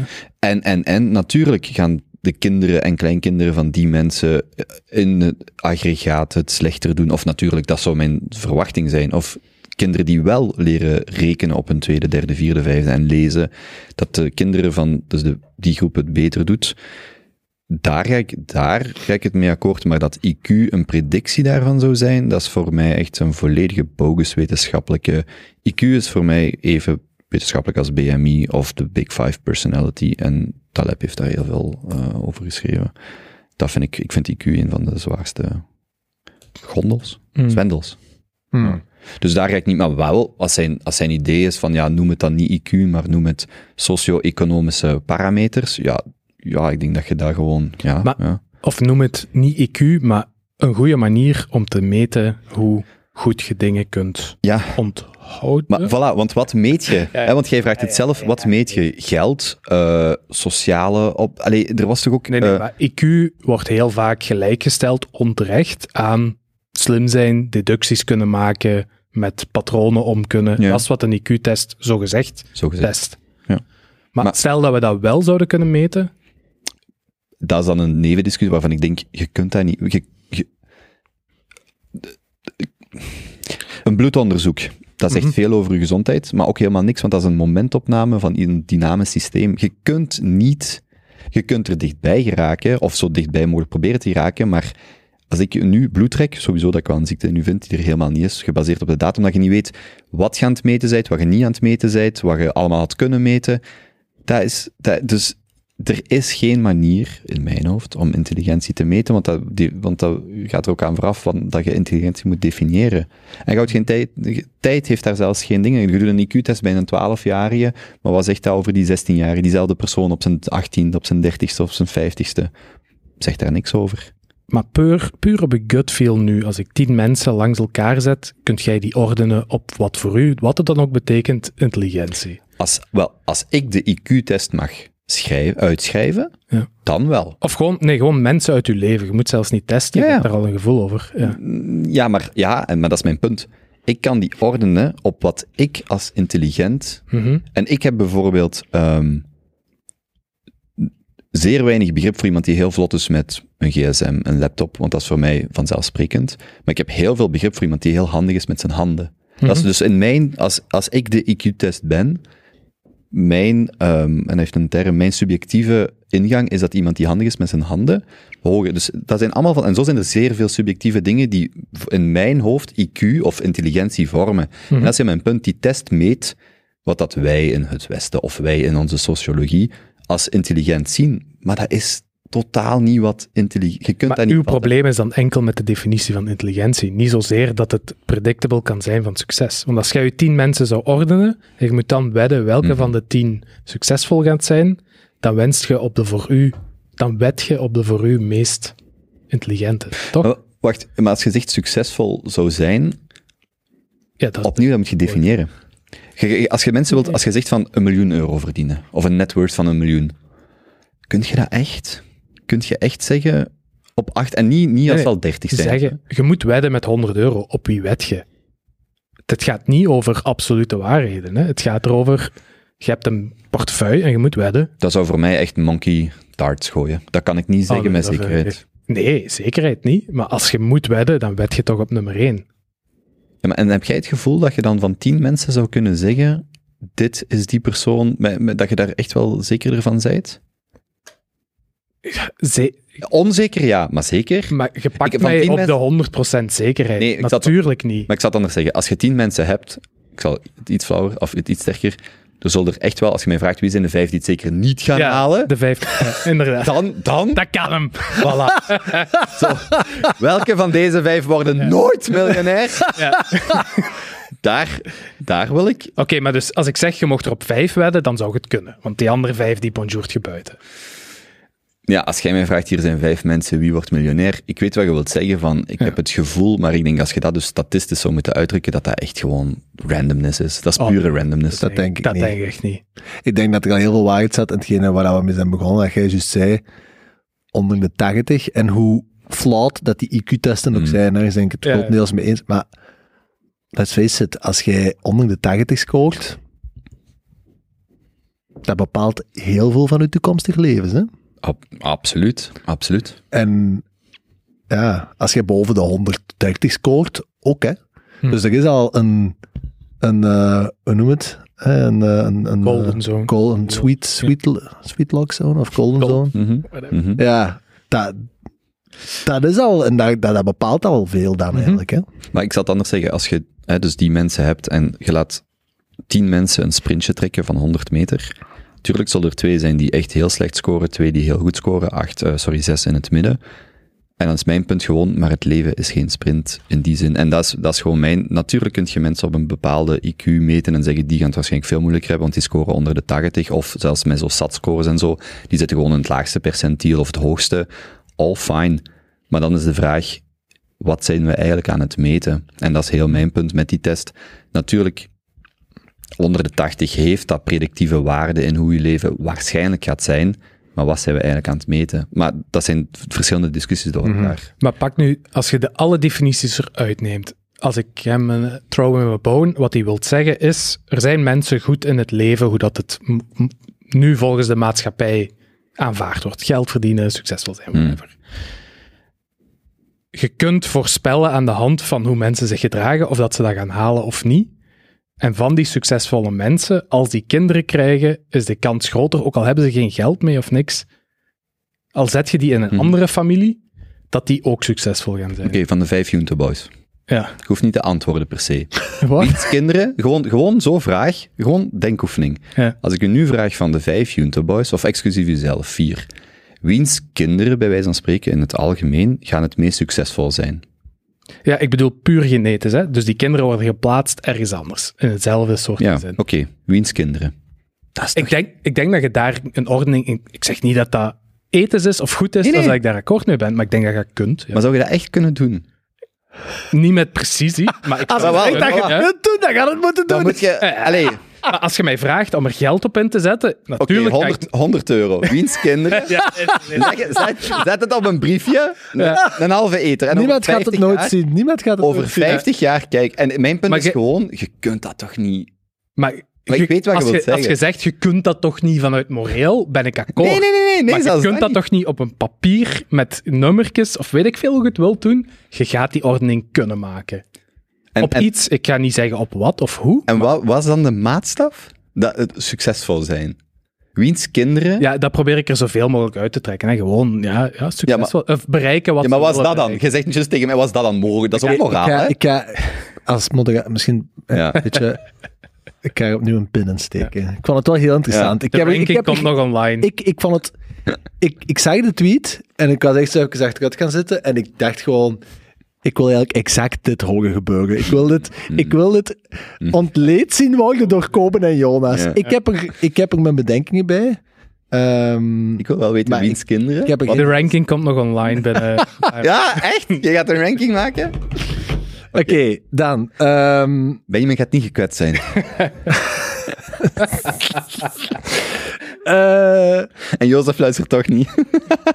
eh, ah, hier. ah, en dan nu nog een heel heftige. Hij is wel Eh, goed voorbereid. Ja? Als het goed is, moet je het ook zeggen. in. Ja. Ja, ja. Eh, eh, inheritance in an amount that enables people not to be productive shouldn't be passed down from one generation to the next. Shane Parrish. Valt iets voor te zeggen, denk ik. ja. Dat vond ik ook echt een heel leuke. Je zit, je zit denk ik weer bij een definitieprobleem. Ja, Kobe. Nee, nee, nee, ik zal het, ik zal het zeggen. Ik heb het Paul de Grauwe in de studio van de afspraak horen zeggen en ik dacht, jij moet echt een lab krijgen. Die maakte ongeveer hetzelfde. Die maakt het argument dat mensen van een bepaalde afkomst of weelde eh, achteruit in de universiteiten zouden, die zouden achteruit moeten geschoven worden met toegang tot bepaalde dingen. Hmm. Eh, of die mocht, eh, sorry, die, er was iets financieel wat dat die niet mogen doen. En ik dacht, Paul, jij zit hoogleraar aan de London School of Economics. Als uw zoon of dochter morgen appliqueert in een universiteit in het buitenland, ongeacht geld, al simpelweg door het feit van uw naam, gaan die voorrang krijgen. En dat hoeft niet expliciet te zijn, maar impliciet wordt daar rekening mee gehouden. En als je dan inheritance definieert als zeer nauw zijnde 100.000 euro, 100 miljoen euro, maar als je, en dat is wat ik bedoel met het definitieprobleem, als je dat veel breder bekijkt, dan is dat een veel moeilijkere discussie. Als je zegt dat iemand eh 5 miljoen euro geven, dat ze dat niet productief maakt, en of dat goed is of niet, fine. Maar Oké, maar we hebben het niet over de... Allee, Maar Dat- is dat- is niet fijn. dat gaat dat gaat op, dat gaat op voor de Bill Gates van deze wereld. Als een achternaam Gates is, en je, gaat, je krijgt van, van de papa geen miljoenen, ja, dan zul je nog altijd wel ergens een goede job krijgen. Maar dat is de 0,01, 0,0001% van de rijken. Daar heb je nog altijd 90, 95% van de ook rijken, die daar miljoenen hebben, hè? maar die hun naam niet doen, maar automatisch, wil ik voor wat allemaal gaan openen. En moeten die kinderen, ja, daar heb ik, ja, daar heb ik echt een andere mening over. Maar dat, is- Maar, ja. dat is toch ook niet de essentie? Oké, hier, neem gewoon al die definities eruit. ja, Hè? Dus je hebt een rijke zijn zoon, je plaatst die ergens anders.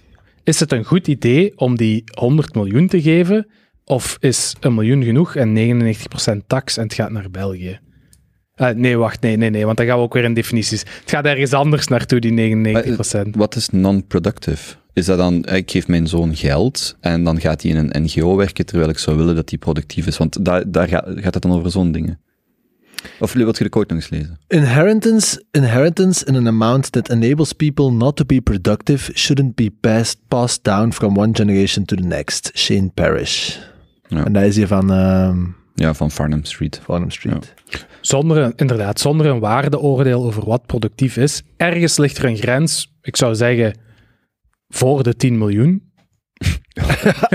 10, 100 miljoen? Nee? Hè? Ja, Ja, absoluut. Hè? Hè? Ja, maar ik wou nog breed houden. Maar dat wil te zeggen dat een miljardair die sterft, dan zeg je 990 miljoen gaat naar belastingen. Of, mm, Of hij moet het zelf opbratsen. En ik vind dat daar iets voor te zeggen is. Ik denk ja, maar je gaat dat nooit gedaan krijgen. Ja, daar ga ik het Ja, je gaat daar geen is wetgeving iets voor te zeggen, maar het is denk ik als ouder, één, al extreem moeilijk. Als je dat hebt opgebouwd en je doet dat voor een groot deel voor je nakomelingen zekerheid te geven, dat is denk ik echt wel iets dat wel altijd speelt bij, mensen die zijn eigen zo hard hebben ingespannen om dat soort van wilde te gaan genereren. Om dat dan allemaal allee, op te doen en waarschijnlijk uw kinderen het u ook zien opdoen, dat is, dat is denk ik al niet veel van die, van die mensen gegeven. En politiek is het gewoon suicide. Ja. Dus je krijgt het er Ja. nooit door. dat soort taxen. eh, eh, eh. Maar als het zou kunnen, zou ik het wel. Want ik had het niet begrepen vanuit het perspectief van de wetgever.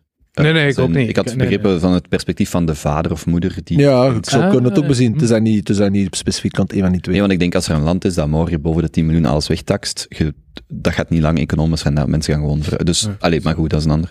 Maar, maar het heel, dat zit er weer in een niet productief. Hè. Als jij een emergency fund hebt van zes maand, Hm. ja, je bent slim geweest, je hebt eh, financieel... zet- Dus je kunt zes maand niet productief zijn. En ik weet, hè, hier gaat het over een leven lang niet productief te hoeven zijn. Wel, één is, waar leg je de grens? Ik zou dat op een miljoen euro leggen. Miljoen euro, 4% regel, dat is 40.000 euro pre-tax. Daar kun je heel mooi van leven op heel veel plekken in deze wereld. Dus ik zou dat niet op 10 miljoen leggen. Daar begint je al mee, hè? dus dat je daar ergens moet definiëren. Eigenlijk met een half miljoen al, maar pak een miljoen. Of je hebt een huis, tuin en nog 1000 euro per maand. Komt op hetzelfde neer, bij wijze van spreken, in België. Ehm dat is één aspect. En het andere is, wat, wat is niet productief? Ehm dingske van... eh, Rich kids of Instagram. Maar het ding is, wat je juist, hoe dat je je dingen nu juist begon, als je al zelf op het punt, jezelf op het punt hebt kunnen brengen dat je die zes maanden emergency fund hebt, of dat, ja, dan heb je al wel, je hebt dat zelf gedaan. En je hebt je vooral ook al de dingen aangeleerd om op dat punt te kunnen komen. En ik, ja, ik kan mij echt inbeelden dat er voor heel veel mensen, die als je dan ook daar ook nog eens misschien bijkoppelt, echt foute opvoeding hebben gehad, dat het ook gewoon echt geen cadeau is om dat soort van bedragen te erven. Hè? Maar, maar heel het punt is toch, wat is niet productief zijn? Ja. Ehm, want als je naar, ik ben zijn Proest, die, en zo zijn er, je zou echt, er zouden heel veel mensen door de bibliotheek die anticapitalistisch zijn, door de bibliotheek wandelen, en als moesten ze weten hoeveel van de favoriete auteurs eigenlijk gewoon rijke luiskindjes waren, die zouden janken. Proest is daar een goed voorbeeld van. Ik zou nooit Marcel Proust als niet productief benoemen. Die heeft prachtige boeken geschreven. Die heeft nooit het voor het geld moeten doen. Nooit. Hmm. En zo zijn er zeer veel auteurs die ik eh, eh, enorm apprecieer, die nooit financieel een zorg Maar is dat de regel of is dat de uitzondering? wel, ja, maar het gaat over niet productief zijn. En dan is mijn vraag, zijn die mensen, als je, ik zal het anders zeggen, als je morgen alle niet productieve mensen wegneemt, eh, hun, hun werk wegneemt, want ze waren niet productief, ik zou dat heel erg vinden. En er zitten heel veel kunstenaars tussen die het nooit voor het geld hebben moeten doen. Er zitten ook heel veel tussen die het wel voor het geld hebben moeten doen. Maar dat is opnieuw de ding, wat is niet productief zijn? Als iemand tien maanden op een strand ligt en twee maanden keihard schrijft, gelijk George Simenon, ik heb hem hier al aangehaald, is die dan niet productief? Dat, dat is een open vraag. En dat is een stukje waar het waardeoordeel in die quote voor mij zit.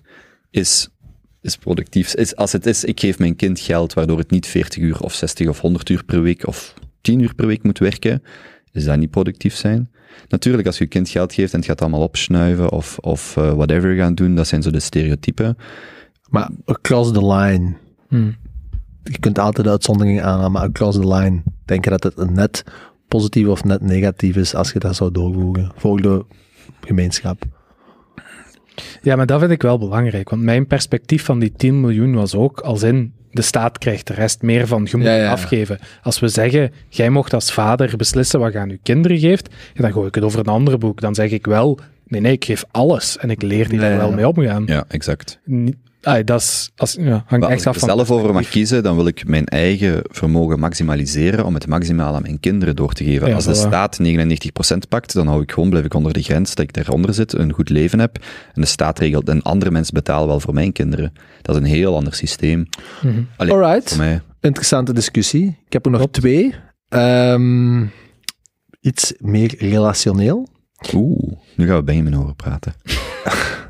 Eh, eh, dus eh, de vraag is, wat zijn eh, the true thing that you believe that few people agree with you on? En dan antwoordt Scott Vargauer, ik ken hem niet, maar die reageert erop that you should prioritize your spouse ahead of your kids. Hè? Daar geloven niet veel mensen in. Eh, ik denk dat, Dat is niet, toch nee. logisch? Dat denk ik niet. Ik denk dat er heel veel zijn die, hun, als er geschoten wordt, een vrouw voor hun kinderen gooien. En ik weet het zelf Oh, ho. niet direct. Ja, maar het gaat over prioritize. Ja, oké. ja. Dat is wel Nee, denk ik een het meest beetje extreme. ja, ja. maar same thing. Dat, dat is letterlijk quickly. een meme op TikTok van... eh, zodra mijn kinderen geboren zijn, gebruik ik mijn vrouw Ja. als menselijk schild. Ja, dat is ook Ryan Reynolds of zo. Die Ja, ja, dat Ryan. Reynolds, Ryan ja, Reynolds heeft voilà. er een heel grapje clip, dus, audio ja, ja, ja, ja, daarvan. Dus ik denk dat... Ja, Honey, I will love you forever. There- there- Ja. Nothing is more important. En dan zag ik die baby's in de ogen en dacht ik, fuck mijn vrouw. Ah, dat was zoiets. dat was zoiets. Inderdaad. Eh, dat vind ik een heel moeilijke. De, ja, hangt er weer vanaf wat je bedoelt met prioritiseren, hè, Benny? Gaan we nu wel zeggen, alles zo kapot. Ah nee, nee dat is, daar heb ik iets heel anders. Het is gewoon de gelukkigste... Om geluk van kinderen te maximaliseren, is idealiter het geluk van de ouders ook gemaximaliseerd. En daar kun je zien een, beter een goed, eh, goede echtscheiding dan een slecht huwelijk. Als in, ik denk dat dan ook de kinderen gelukkiger zijn. Maar idealiter, gewoon gelukkige en, hè, eh, nee jong, sowieso mijn vrouw prioritiseren boven mijn kinderen in die zin. En als vrouw, of prioritiseren als in eh, scheiden van uw vrouw kan daar ook onder vallen, maar prioritiseer dat dan voordat je denkt, hoeveel mensen dat ik ken ondertussen, van als we nog een kind maken, wordt het misschien beter tussen ons, dan denk ik, prioritiseer misschien eerst uw echtscheiding. Maar is dat ook niet de andere kant ervan? Van uw kinderen zijn sowieso altijd van u. Ah, uw vrouw hopelijk ook, hè? Maar eh, dat, is meer, Oh, dat is meer van. eh, statistisch je gezien. weet nooit wanneer de laatste keer is dat je seks hebt met uw vrouw gehad, hè? Oké.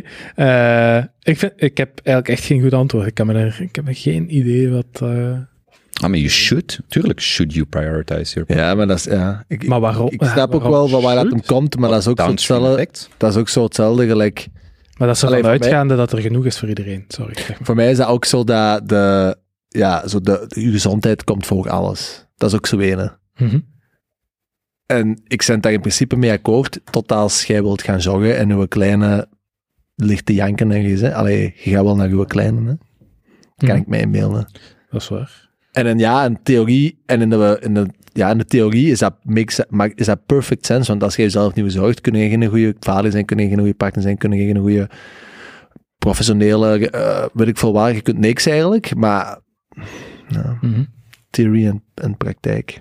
Inderdaad. Maar als je het dan naar het extreme zou duwen, en ene die heel veel moet werken op een dag, heeft maar één uur vrije tijd op zijn Steek dag. het in uw kinderen of steek het Ja. in uw vrouw. En je mocht niet alle twee zeggen.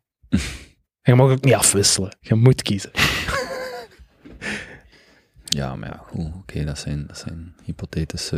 Ja, ja. Maar ja, als je quotes schrijft van tien woorden, ja, dan... eh, Het is wel altijd grappig als je dan zo filmpjes van een Brian Johnson kijkt, of die um, Rich, Rich Roll, die op zijn, al twee jaar in een tent op zijn dak slaapt, dat alle comments, oh, what about your wife? Hè? Want die Brian heeft dan geen tijd om te vogelen, blijkbaar, en die Rich Roll ook niet, die slaapt in zijn tent op zijn Heeft dak. je een brein in een tijd om te vogelen? Ja, maar als, nee, die slaapt in een aparte kamer, hè? Ja, maar dat doen nog veel, hè? Ja, maar wat ik wil zeggen is, als je dat zo eh, on face value neemt, oppervlakkig, dan ziet iedereen daar altijd zo, "Huh," maar je kunt echt wel dingen prioritiseren en daarnaast nog een leven hebben. Dus, dus dat, dat gaat allemaal.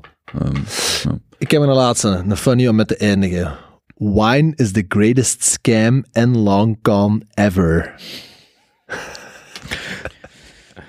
ik vind dat daar echt, altijd zo te ik vind dat daar echt iets voor te zeggen is. greatest. Tja. Dat staat toch heel hoog, denk ik. Ja, inderdaad. Ja. Daar denk ik dat de minste discussie over is, over die, die vijfde, Ja, toch? oh, vijfde quote. Ja. Ja. Je kunt daar, allee, er zijn, hoeveel mensen, je hebt zo die, die Som, die documentaire op Netflix, Mm. van zo die mannen die dat het hoogste niveau van sommelier behalen. Mhm. Ja, sure, oké. je, hebt, je hebt 25 vakidi- vakidioten die aan elk glas wijn kunnen rieken en gaan zeggen uit welk veldje van de, de, de, de wijn gaarde dat het kwam, in, in welke brouwerij, in welk land, of weet ik veel wat. Je hebt er zo. Maar voor Over- al de rest zijn ons normale mortals. Ja. Je kunt proeven of dat een goed flesje is of een minder goed flesje. Maar is dat dan die 70 euro waard in de plaats van die 8? Ik heb deze week alcoholvrije gin gedronken. Dat was niet zijn geld waard. Nee. 50 euro per liter. Jesus. Nee, ik denk wel dat wijn, wat was mijn ding? Ik vond, je moet een ondergrens hebben, zodat je artisanaal of gewoon ambachtelijke wijn, en dat is meestal, in mijn hoofd was dat 6, 7 euro per fles, dat was zo de ondergrens. En dan denk ik een bovengrens is een beetje afhankelijk van je inkomensschijf, maar ik heb verschillende mensen horen zeggen tussen de 20 en de 50 euro. En eigenlijk alles boven de 50 euro. Eh, Boven de 100 zal ik zeggen als ik Fatfire lees. Maar was ik in mijn omgeving 50 à 100, daarboven moet je al echt, dan heeft het meer te maken met het, verhaal. En, Mhm. ja. Dus een ondergrens denk ik wel dat je echt kunt zeggen, dat zeker. En een bovengrens zit daar ook ergens rond. Alcohol. Short of long opgaan. Ja, dat was eigenlijk mijn tweede punt. Ja, ik wil een Nou, maar, transitie maken. Ja. Alcohol short of long? op- Als in voor uzelf of voor de, de maatschappij? Oh, ik ga lang, je kunt daar zoveel geld mee verdienen.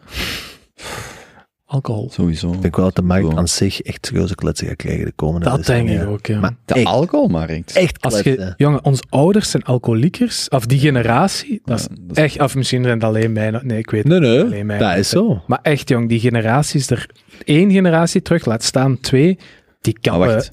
flessen. Dat- Oké, maar is dat generationeel of heeft dat met de leeftijd te maken? Als wij, Nee, nee, anders nee, zegt, als wij 50, 60 zijn. Die hebben nooit anders geweten. Ah, ik weet dat mijn ouders. Je hebt, maar je hebt ook zo met roken statistiek. Dat er, doe ik alsof mijn ouders De- alcoholiekers zijn. de rook- mee, ik, heb ze gezien. Dus, eh, nee, nee. ik zat er langs. Goh. Ehm, nee, maar eh, ik geloof bij roken, dus er roken minder mensen, bijvoorbeeld 20 jaar of zo, maar ze roken meer per persoon. Dus dat is wel, dus, maar er wordt wel minder eh, sigaretten geconsumeerd per jaar, geloof ik. Ik denk echt dat wij veel minder drinken. Ja, ik denk Gemiddeld. dat dat alleen nog maar Ja, afnemen. ja, met de slaaptrackers die daar standaard beginnen te worden. Allee, Ja. Het is heel confronterend. Hè. Ik moet je ook niet zeggen komen als je die ring aan hebt en je ziet wat één of twee glaasjes alcohol doen. Ja. Ik ben, ehm, misschien om er heel even op in te springen, dus ik had op, als antwoord op vraag 2, ik ben veel podcasts aan het luisteren over eh, stoppen met alcohol. Eh, of mensen die gestopt zijn, vooral Nederlanders. Een boekje van Evi Hansen gelezen. En ehm, ja, ik ga ook een periode niet drinken. Het is nu vanaf 1 januari, dus vandaag is dag 10. Ehm, Hoe moeilijk is het voor u? Want jij drinkt wel... Ja, voorlopig. Ik ben afgelopen jaar 10 kilo bijgekomen. En er zijn nog, ik ben een ehm, documentje aan bijhouden. Het is geen dagboek. Ik probeer er, allee, of ik kan er niet elke dag in schrijven, maar ik probeer zo. Ik open met een aantal datapunten. Gewicht is daar één van. Een ander is. eh, ja, goed, ik zal dat wel eens op een keer publiceren als ik verder ben. Maar ehm, ik, ik zei eergisteren van. Er is nu de afgelopen week geen één moment geweest waarop ik, als ik daarop terugkijk, zou zeggen: alcohol had dit beter, beter gemaakt. Maar als ik twee weken terug in de tijd ga, of drie weken, had ik wel echt wel 10, 15 glazen gedronken, minstens in die week. Dus ik zit nu ook zo heel hard tussen van, ik, het laatste wat ik wil, is zo een van die mensen worden die iets nieuws gaat doen en dan zo iedereen zou moeten stoppen. Daar, daar, daar wil ik mij echt voor behoeden, want ik geloof ook dat je wel altijd een afhankelijkheid hebt. Als ik die mensen hoor praten of lees, dan gaan ze heel veel cola zero drinken of meer suiker eten of een keer... ah, er is altijd wel een andere vice waar je voor valt en dat is bij mij niet anders. Ehm, ja. En eh, als je het niet wilt delen, hoeft het niet. Maar zo op een week, een gewone standaard jaarweek, over hoeveel glazen ging het dan? Ehm, Moet niet. eh, ik heb, nee, nee, nee, maar ik, ik probeer ook gewoon eerlijk te zijn over dat soort dingen. Ik heb een aantal vragenlijsten, ook voor dit onderzoek, die operatie dan dat ik eh moet invullen, waar ik wel echt dacht van hier moet ik toch eerlijk op zijn, in de zin van dat het over mijn gezondheid ging. En het zat wel altijd in de hoogste categorie, of dat dan 10 glazen per week zijn, 15 glazen, ook daar moet je weer oppassen. Een glas, Evi ho- Ja. eh, opent heel grappig haar show met de vragen hoeveel glazen passen er in een fles wijn en dan hoort je mensen in het publiek drie, vier, vijf, zes roepen. Het antwoord is zes, maar dat is dus heel grappig, hè? wat is een glas wijn? Eh, je moet maar eens rondvragen bij je vrienden, hoeveel glazen passen er in een fles wijn? Dan krijg je heel grappig, dat is geen standaardmaat. Eh, daar, daar, begin- daar, begin- ja, twee als we met twee... Wauw! Ja. Wauw! Ehm, nee, maar dus, allee, dus ik vind dat heel moeilijk om te zeggen, maar dat zal eh, minstens twee flessen per week en, en Ja. op jaarbasis zijn dat minstens 100 flessen. Of ja, ik mag het niet enkel in... Ja, maar, maar zit daar snel aan, hè. Aperitiefje, twee, drie glazen op restaurant dan nog. En dan, want ook, ehm, mensen tellen dan gewoon de wijn die ze drinken, maar ze vergeten de aperitief, ze vergeten de dessertwijn, enzovoort en zo verder. Ja. Zeker in de weekends. Ik heb de afgelopen half jaar ook door, het, door de week veel gedronken. Dan is het zomer, dan is het aperitieftijd en, en, en. En ehm, ook vandaag, dus ik heb eigenlijk van mijn ouderring data van anderhalf jaar. En dat is de periode dat ik wel nog drink. Dus ik wil nu, eigenlijk wou ik tot en met tournee mineraal, dan zal het twee maanden geweest zijn. Misschien verlengen, misschien een jaar, daar ben ik nog niet over uit. En zolang ik daar niet over uit ben, wil ik dat niet per se uh, zo, als dusdanig verkondigen. Maar ik ben wel heel benieuwd naar mijn gemiddelde slaapscore en van die periode in vergelijking met andere, met de huidige periode. Hmm. En het is wel, um, bijvoorbeeld ik zat dan in Hamburg en um, uh, dat hotel bood een parkeerplek aan en ik rijd naar die garage, ik parkeer mij als op 10 minuten van het hotel. Ik kom aan het hotel aan en ik zeg, ja, ik ben geparkeerd, krijg nu een kaartje, want dat was dan een fixed fee met een kaartje. En die zegt, ah ja, maar we werken niet meer samen met die parking, het is een ander. Ik zo, ja, maar ik heb daar net geparkeerd, dus ik moest terugwandelen, die auto gaan halen, bla bla bla. Ik kom terug aan. En die zegt, kijk, om het goed te maken, um, want het stond ook fout op de website, om het goed te maken bieden wij u vanavond een drankje aan. Wat je wel begint te merken, als je niet drinkt, en dat is eigenlijk een analogie met in een rolstoel zitten, als je normaal kunt wandelen, of als je het gewoon zit om, om te kunnen wandelen, hoe, en als je naar die podcast luistert, hoe uh, ingeburgerd dat alcohol is en hoe normaal het is. En wat ik veel mensen hoor zeggen, dat vind ik een heel sterk argument, daar ben ik heel benieuwd naar, is de verdovende werking die het toch vaak heeft. Ik had een zware dag, ik trek een blikje bier open, een flesje wijn. En dat is zeker wel iets wat ik herken. Ook een goede dag, hè? Oh, we hebben toch iets om te vieren. Hmm. En zo die, die verwevenheid. Maar ik probeer heel goed op te letten om het niet... Het kan goed zijn dat ik morgen zeg, fuck dat, ik ga gewoon terug. Mm. Ja, ja, tuurlijk. Maar ik vind... eh, en, Alright. en dan was eigenlijk nog een, een hele kleine sprong. Ook daar weer. Ik heb er met iemand in BlaBlaCar in de rit naar Hamburg over gehad. Reddit is zo'n fijne plek. Dus dit is, dit is allemaal... Er zijn niet zoveel mensen rondom mij die niet drinken. Er zijn er meer dan gedenkt. Ik ken er een aantal persoonlijk die ook heel lieve berichtjes sturen. Maar op Reddit kun je dus gewoon een subreddit zoeken. Blijkbaar is er eentjes no alcohol, maar de stop drinking is zelfs nog groter. Ehm, honderdduizenden mensen. Filter, all-time, beste posts. En dan lees ik die en ik haal daar superveel uit. Ik vind dat heel leuk. Ik moet wel zeggen, het hangt van subreddit. Hier gaat het echt precies over mensen die traumatische ervaring hebben en dan Ja. stoppen met drinken voor 15 jaar. Dat is niet echt mijn. Allee, er is heel veel survivorship bi- bias in die zin. Dus ik kan mij daar niet altijd mee eh, ehm, in, in eh, herkennen. Maar het is wel een heel coole website om heel veel Absoluut. soortgenoten, lotgenoten te. Absoluut. Ja. Cool. Eh, Jonas. Dax Flame. Ah ja, Eh, een hele korte eigenlijk. Ook een, meer een vraag dan iets anders. Ehm Dex Flame was eh, een van de eerste OG YouTubers. Ehm, ook door een beetje een karaktertje te spelen tien jaar geleden. Die is dan over tien jaar tijd eigenlijk blijven dalen. Nooit meer zijn, zijn pieken opnieuw gevonden. Eh, van alles geprobeerd, compleet gefaald. Van die filmpjes als eh, ik ga nog tien dingen proberen en als het dan niet lukt, dan stop ik ermee. En dan blijft hem toch verder doen met het volgende idee en zo. Dat was zo aan een guilty pleasure van af en toe eens te kijken. Echt een heel slow motion, een trainwreck van iemand. Een artiest die niet echt beseft dat niks nog aanslaat wat dat hem doet. Maar ik was fout. Eh, twee weken geleden heeft hij iets gevonden dat volledig heeft aangeslaan en wat hij ook doorduwt tot het uiterste. En hij laat zijn leven volledig leiden nu door eh chat GPT. Dus het enige dat die gast nog doet, is vragen aan die AI wat wat hij moet doen de volgende dagen. En ook al zijn berichten, of heel groot deel van zijn berichten, zijn nu allemaal getypt door die AI. En het frappantste was dan als laatste, want die is dus samen begonnen met Bo Burnham ook. Hè. Bo Burnham Ja. is dan wel bekend. Die waren eigenlijk samen, die kenden elkaar heel goed tien jaar geleden. Eh, maar dan ook out of touch geraakt. En die heeft dus nu zo een berichtje gestuurd naar Bo Burnham van ja, ik heb u altijd wel naar u opgekeken. En dat is allemaal ook zo, gehoord hem dat vertellen. Maar die tekst komt gewoon dan gecopy-paste uit ChatGPT. Mm. Stuurt hij naar Bo Burnham. En nu de volgende aflevering gaat hem dan laten zien wat het antwoord was. En ik vond dat wel een leuke ethische ja, vraag of daar überhaupt iets mis mee. Is die gast tot twee weken geleden productief geweest, ja of nee? Productief wel, ja. Natuurlijk, ja. Sowieso. Maar nobody cared. Eh, dat, dat, is, dat is duidelijk. En nu, ja, ik vond dat wel frappant en ja, ik vond het zeker ethisch wel interessant. Stel nu dat ik op mijn chat gewoon overal ChatGPT zou instellen. Het zou wel Maar- even praktisch Ik zijn. heb al lang het gevoel dat jij dat doet. Als er hier ene van de vijf, je moet ze, orde, je moet ze ordenen. Wie gebruikt ChatGPT om zijn socials te doen? Signal, Eh. als hij al antwoordt. Een beetje randomness. Er zijn wel al wat mailtjes gestuurd, maar chatberichten kan ik eerlijk zeggen nog niet. Ik vind dat echt, dat is ook wel. echt zo funny. Zo gemeid zo, deze week was het weer van dat, dat je dan zo in uw, in uw, in uw flow zit s'avonds. Want dat begint dan, dan mijn aanvoelen ook wel later op de dag. Tegen dat ik in mijn bed kruip, want Jonas is eigenlijk productief. Dat is zo wat Mhm. mijn perceptie. Als Jocko Willink een foto post, dan... ja, eh, ja, dan kruipt Jonas in bed. ja. Eh, en eh, ja, dat is, ik weet niet dat dat deze week was, maar dan word ik zo wakker. Hè. Toen ik voor zeven eh, op naar beneden mijn gsm pakken om naar een gym te gaan. En dan zie ik dat je zo nog, zo nog zes, zeven van die, Ja, van die berichten. Dat ik zo een ha- kwartier op moet liggen. Wat, wat wil hem nu eigenlijk zeggen? Wat, wat is hem aan... Ja. toch leuk om mee wakker te worden. Absoluut. Zo'n beetje een warm feeling. Ik eh verwelkom ze. En Ja. zeker van die saaie berichtjes. Kijk, ik heb nu een issue met een product dat ik geretourne- geretourneerd heb en maar niet mijn geld van terugkrijg. Man, als ik daar ChatGPT of een bot, allee, of whatever dat je het wilt noemen, op kan zetten. Ja. Maar vooral dat beri- berichtje naar zo iemand waar je naar opkijkt en als Hmm. mentor wilt en hulp aan wilt vragen en dan gewoon make me a message to ask my mentor out for a coffee. En dan gewoon copy-pasten. Ergens voelt dat zo'n beetje dirty gewoon.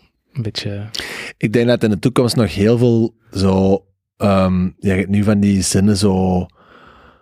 Van die goede marketing... eh, eh, tegenwoordig, als, bijvoorbeeld als het over een mat gaat, of ik zeg maar, hè, Mhm. eh, het, is, het is handgeweven door mensen.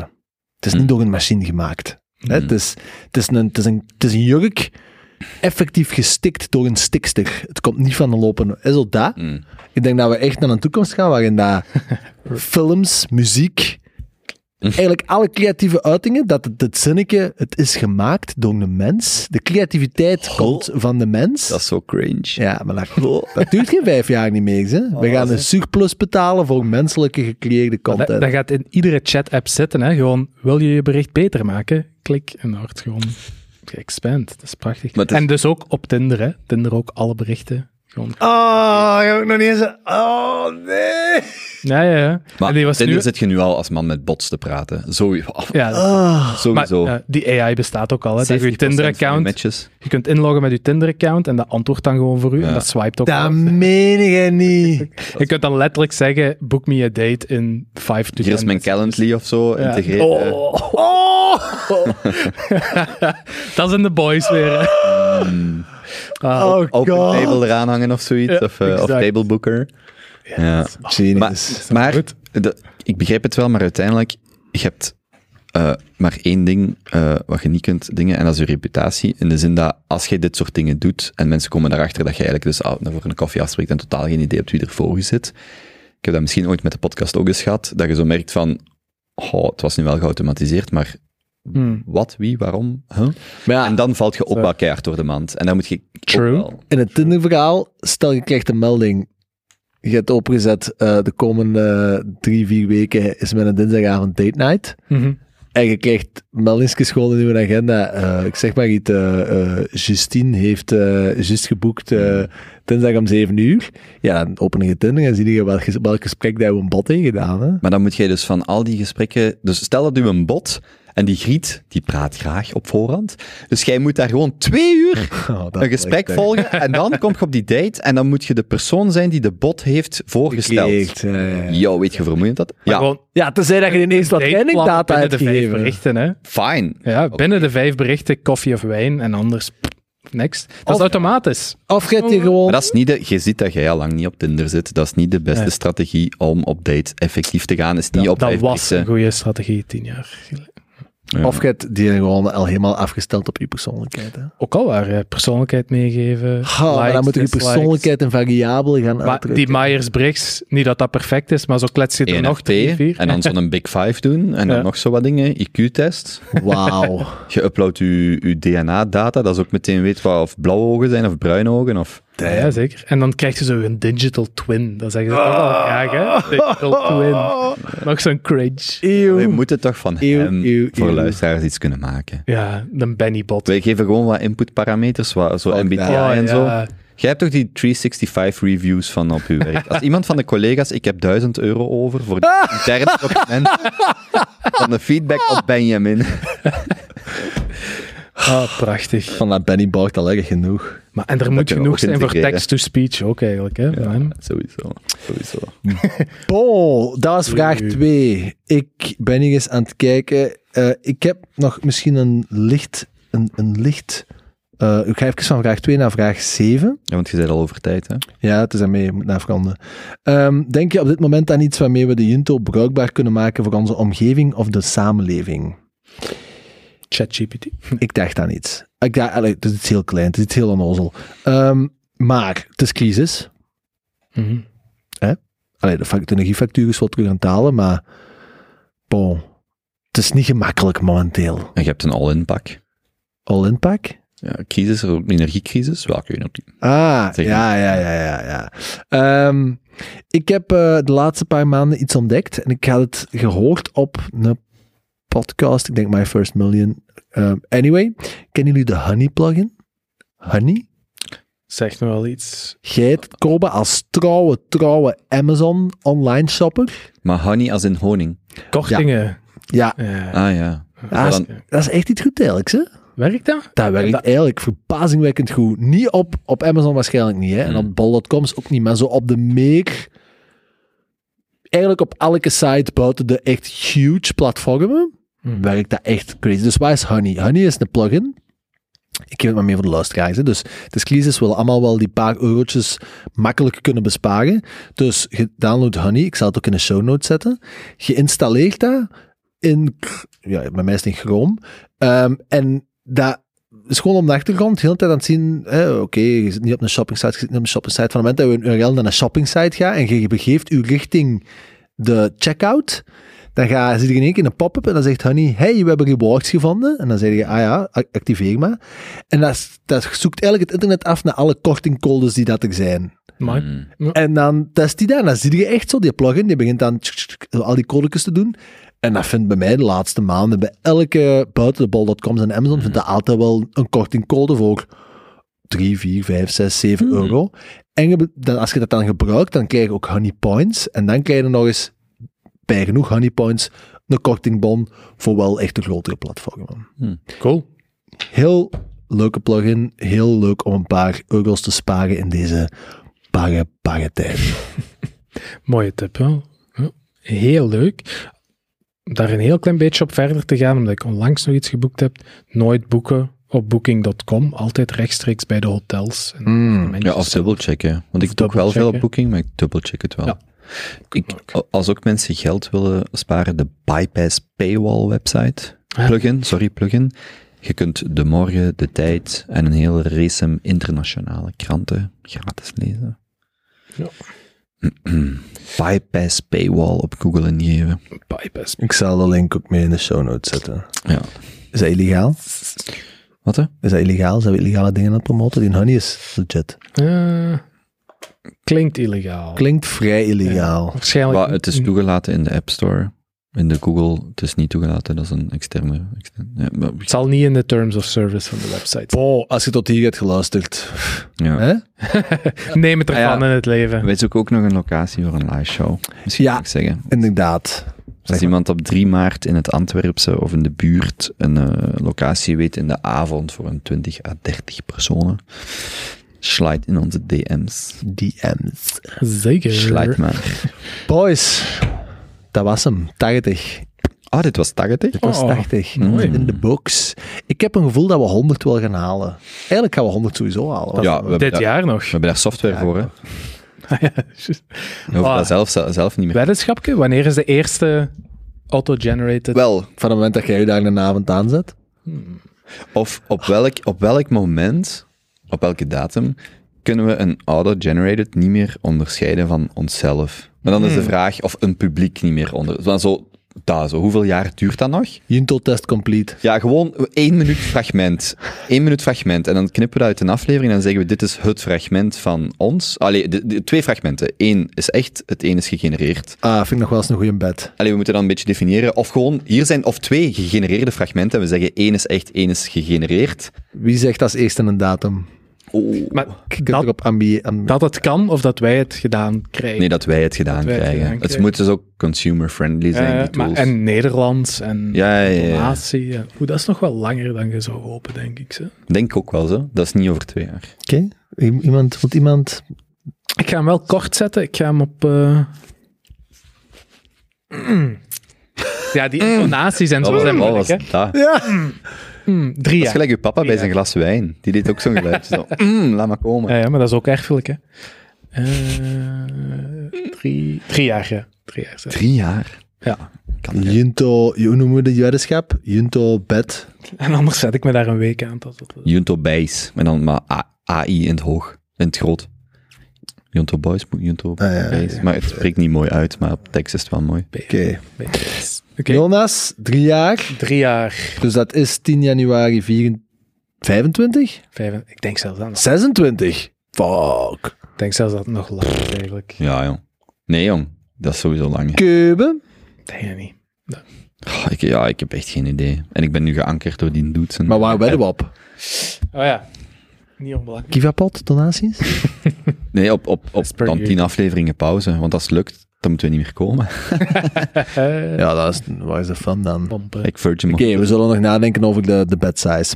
Ja, ik vind gewoon... Datum? Ja, Niet te veel, het kan laag, gewoon datum. Nee, zeg nu ook de bed size. Doe Kiva. eh, ja, tegen dan doe ik geen Kiva meer. ja, tegen dan doe ik iets anders. Maar Een etentje? Een, een dinerke. Een diner. Dinerke betalen met ons drie. En de beide verliezers leggen samen voor de winnaar. Of... Ja, maar, ja, maar ik wil daar niet... Ik, ik heb daar echt totaal geen idee van. Kolbe, you're involved now. Nee, ik, ik ga... You're Ik, involved. Allee, doe niet flauw. Doet jij maar, doet jij maar. Ik eerst. Ik zal meegaan en ik betaal mijn eigen deel wel. Allee, jij dan. Dus dan is het tussen ons twee. Ja, ik heb er echt... Lame. Ik heb, wat, Ik heb wel genoeg weddenschappen. Heb je enig idee van? Ik moet gaan bijwerken voor mijn weddenschap. Oké, ik pak de... Ik pak de boven. Ik pak... eh Hij is dan top. Je zit de bottom. ha. Kunt je dat Ja, alles is boven, hè. Dus eh, vanaf 11 januari 26. Nee, wie er het dichtste bij? Ja, dat komt op hetzelfde neer. Komt hetzelfde neer. Ja. Ja, dat is... oké. Ja. Maar had hij dat nu niet gezegd, wat zou jij dan zeggen? Als je niet geankerd waart? Maar we Ik hebben had het hem op veilig gezet, denk ik. één minuut ons drieën. Dat Ja. hebben we gezegd, hè? één minuut. Hè? Geen... Ja, maar auto-generated. Auto-generated. Ja, ja, ja. Je vraagt aan ChatGPT de content en je maakt daar een voice-over van. Dat gaat geen drie. In het Engels zou ik zeggen, een jaar, nog niet. Hmm. Ja, ja, maar dan Nederlands met campus accent. Maar er is veel input data. Hè? Ja, ik denk dat ook. Ja, maar de UI moet ook zo... Oké, we zijn echt... Als je dat nu nog hebt geluisterd. Maar de UI moet ook zo simpel zijn om wijst Ja, maar x terabyte aan data te Ja, maar- kunnen inslepen. Ik hij mag gaat een- ook, hè? Hij gaat een NAS kopen, hè. En hij gaat... eh, Ja. Ja, ja, maar als de UI toelaat om wijst 5 terabyte aan eh Junto Boy materiaal erin te sleuren en snel te verwerken. UI. ja, maar ik heb ook alle, Of ja, of de processing capability. maar ik heb ook alle source files. Ik heb nog van u aparte stukjes. Ik kan wel helpen, zo. Waar ben je van mij aparte stukjes, vetzak? Ik heb van iedereen aparte stukjes. Ah, mannen. Hebben we het ooit al eens gehad over is- kopen een war arc? Op een, op een moment gaan jullie trouwen en dan maak ik een compilatie. En dan zeg ik, jongens, Kom erbij. nonkel Kobe heeft een verrassing. Ah, kom, zet het maar. Oh, dat is het moment dat de note. Kobe de, de, de, de taart richting zijn kop gecatapulteerd krijgt. Voor de honderdste keer. Oké, dat was nummer 80. Bye bye. Tjus. Iemand moet een beat geven? Give me one.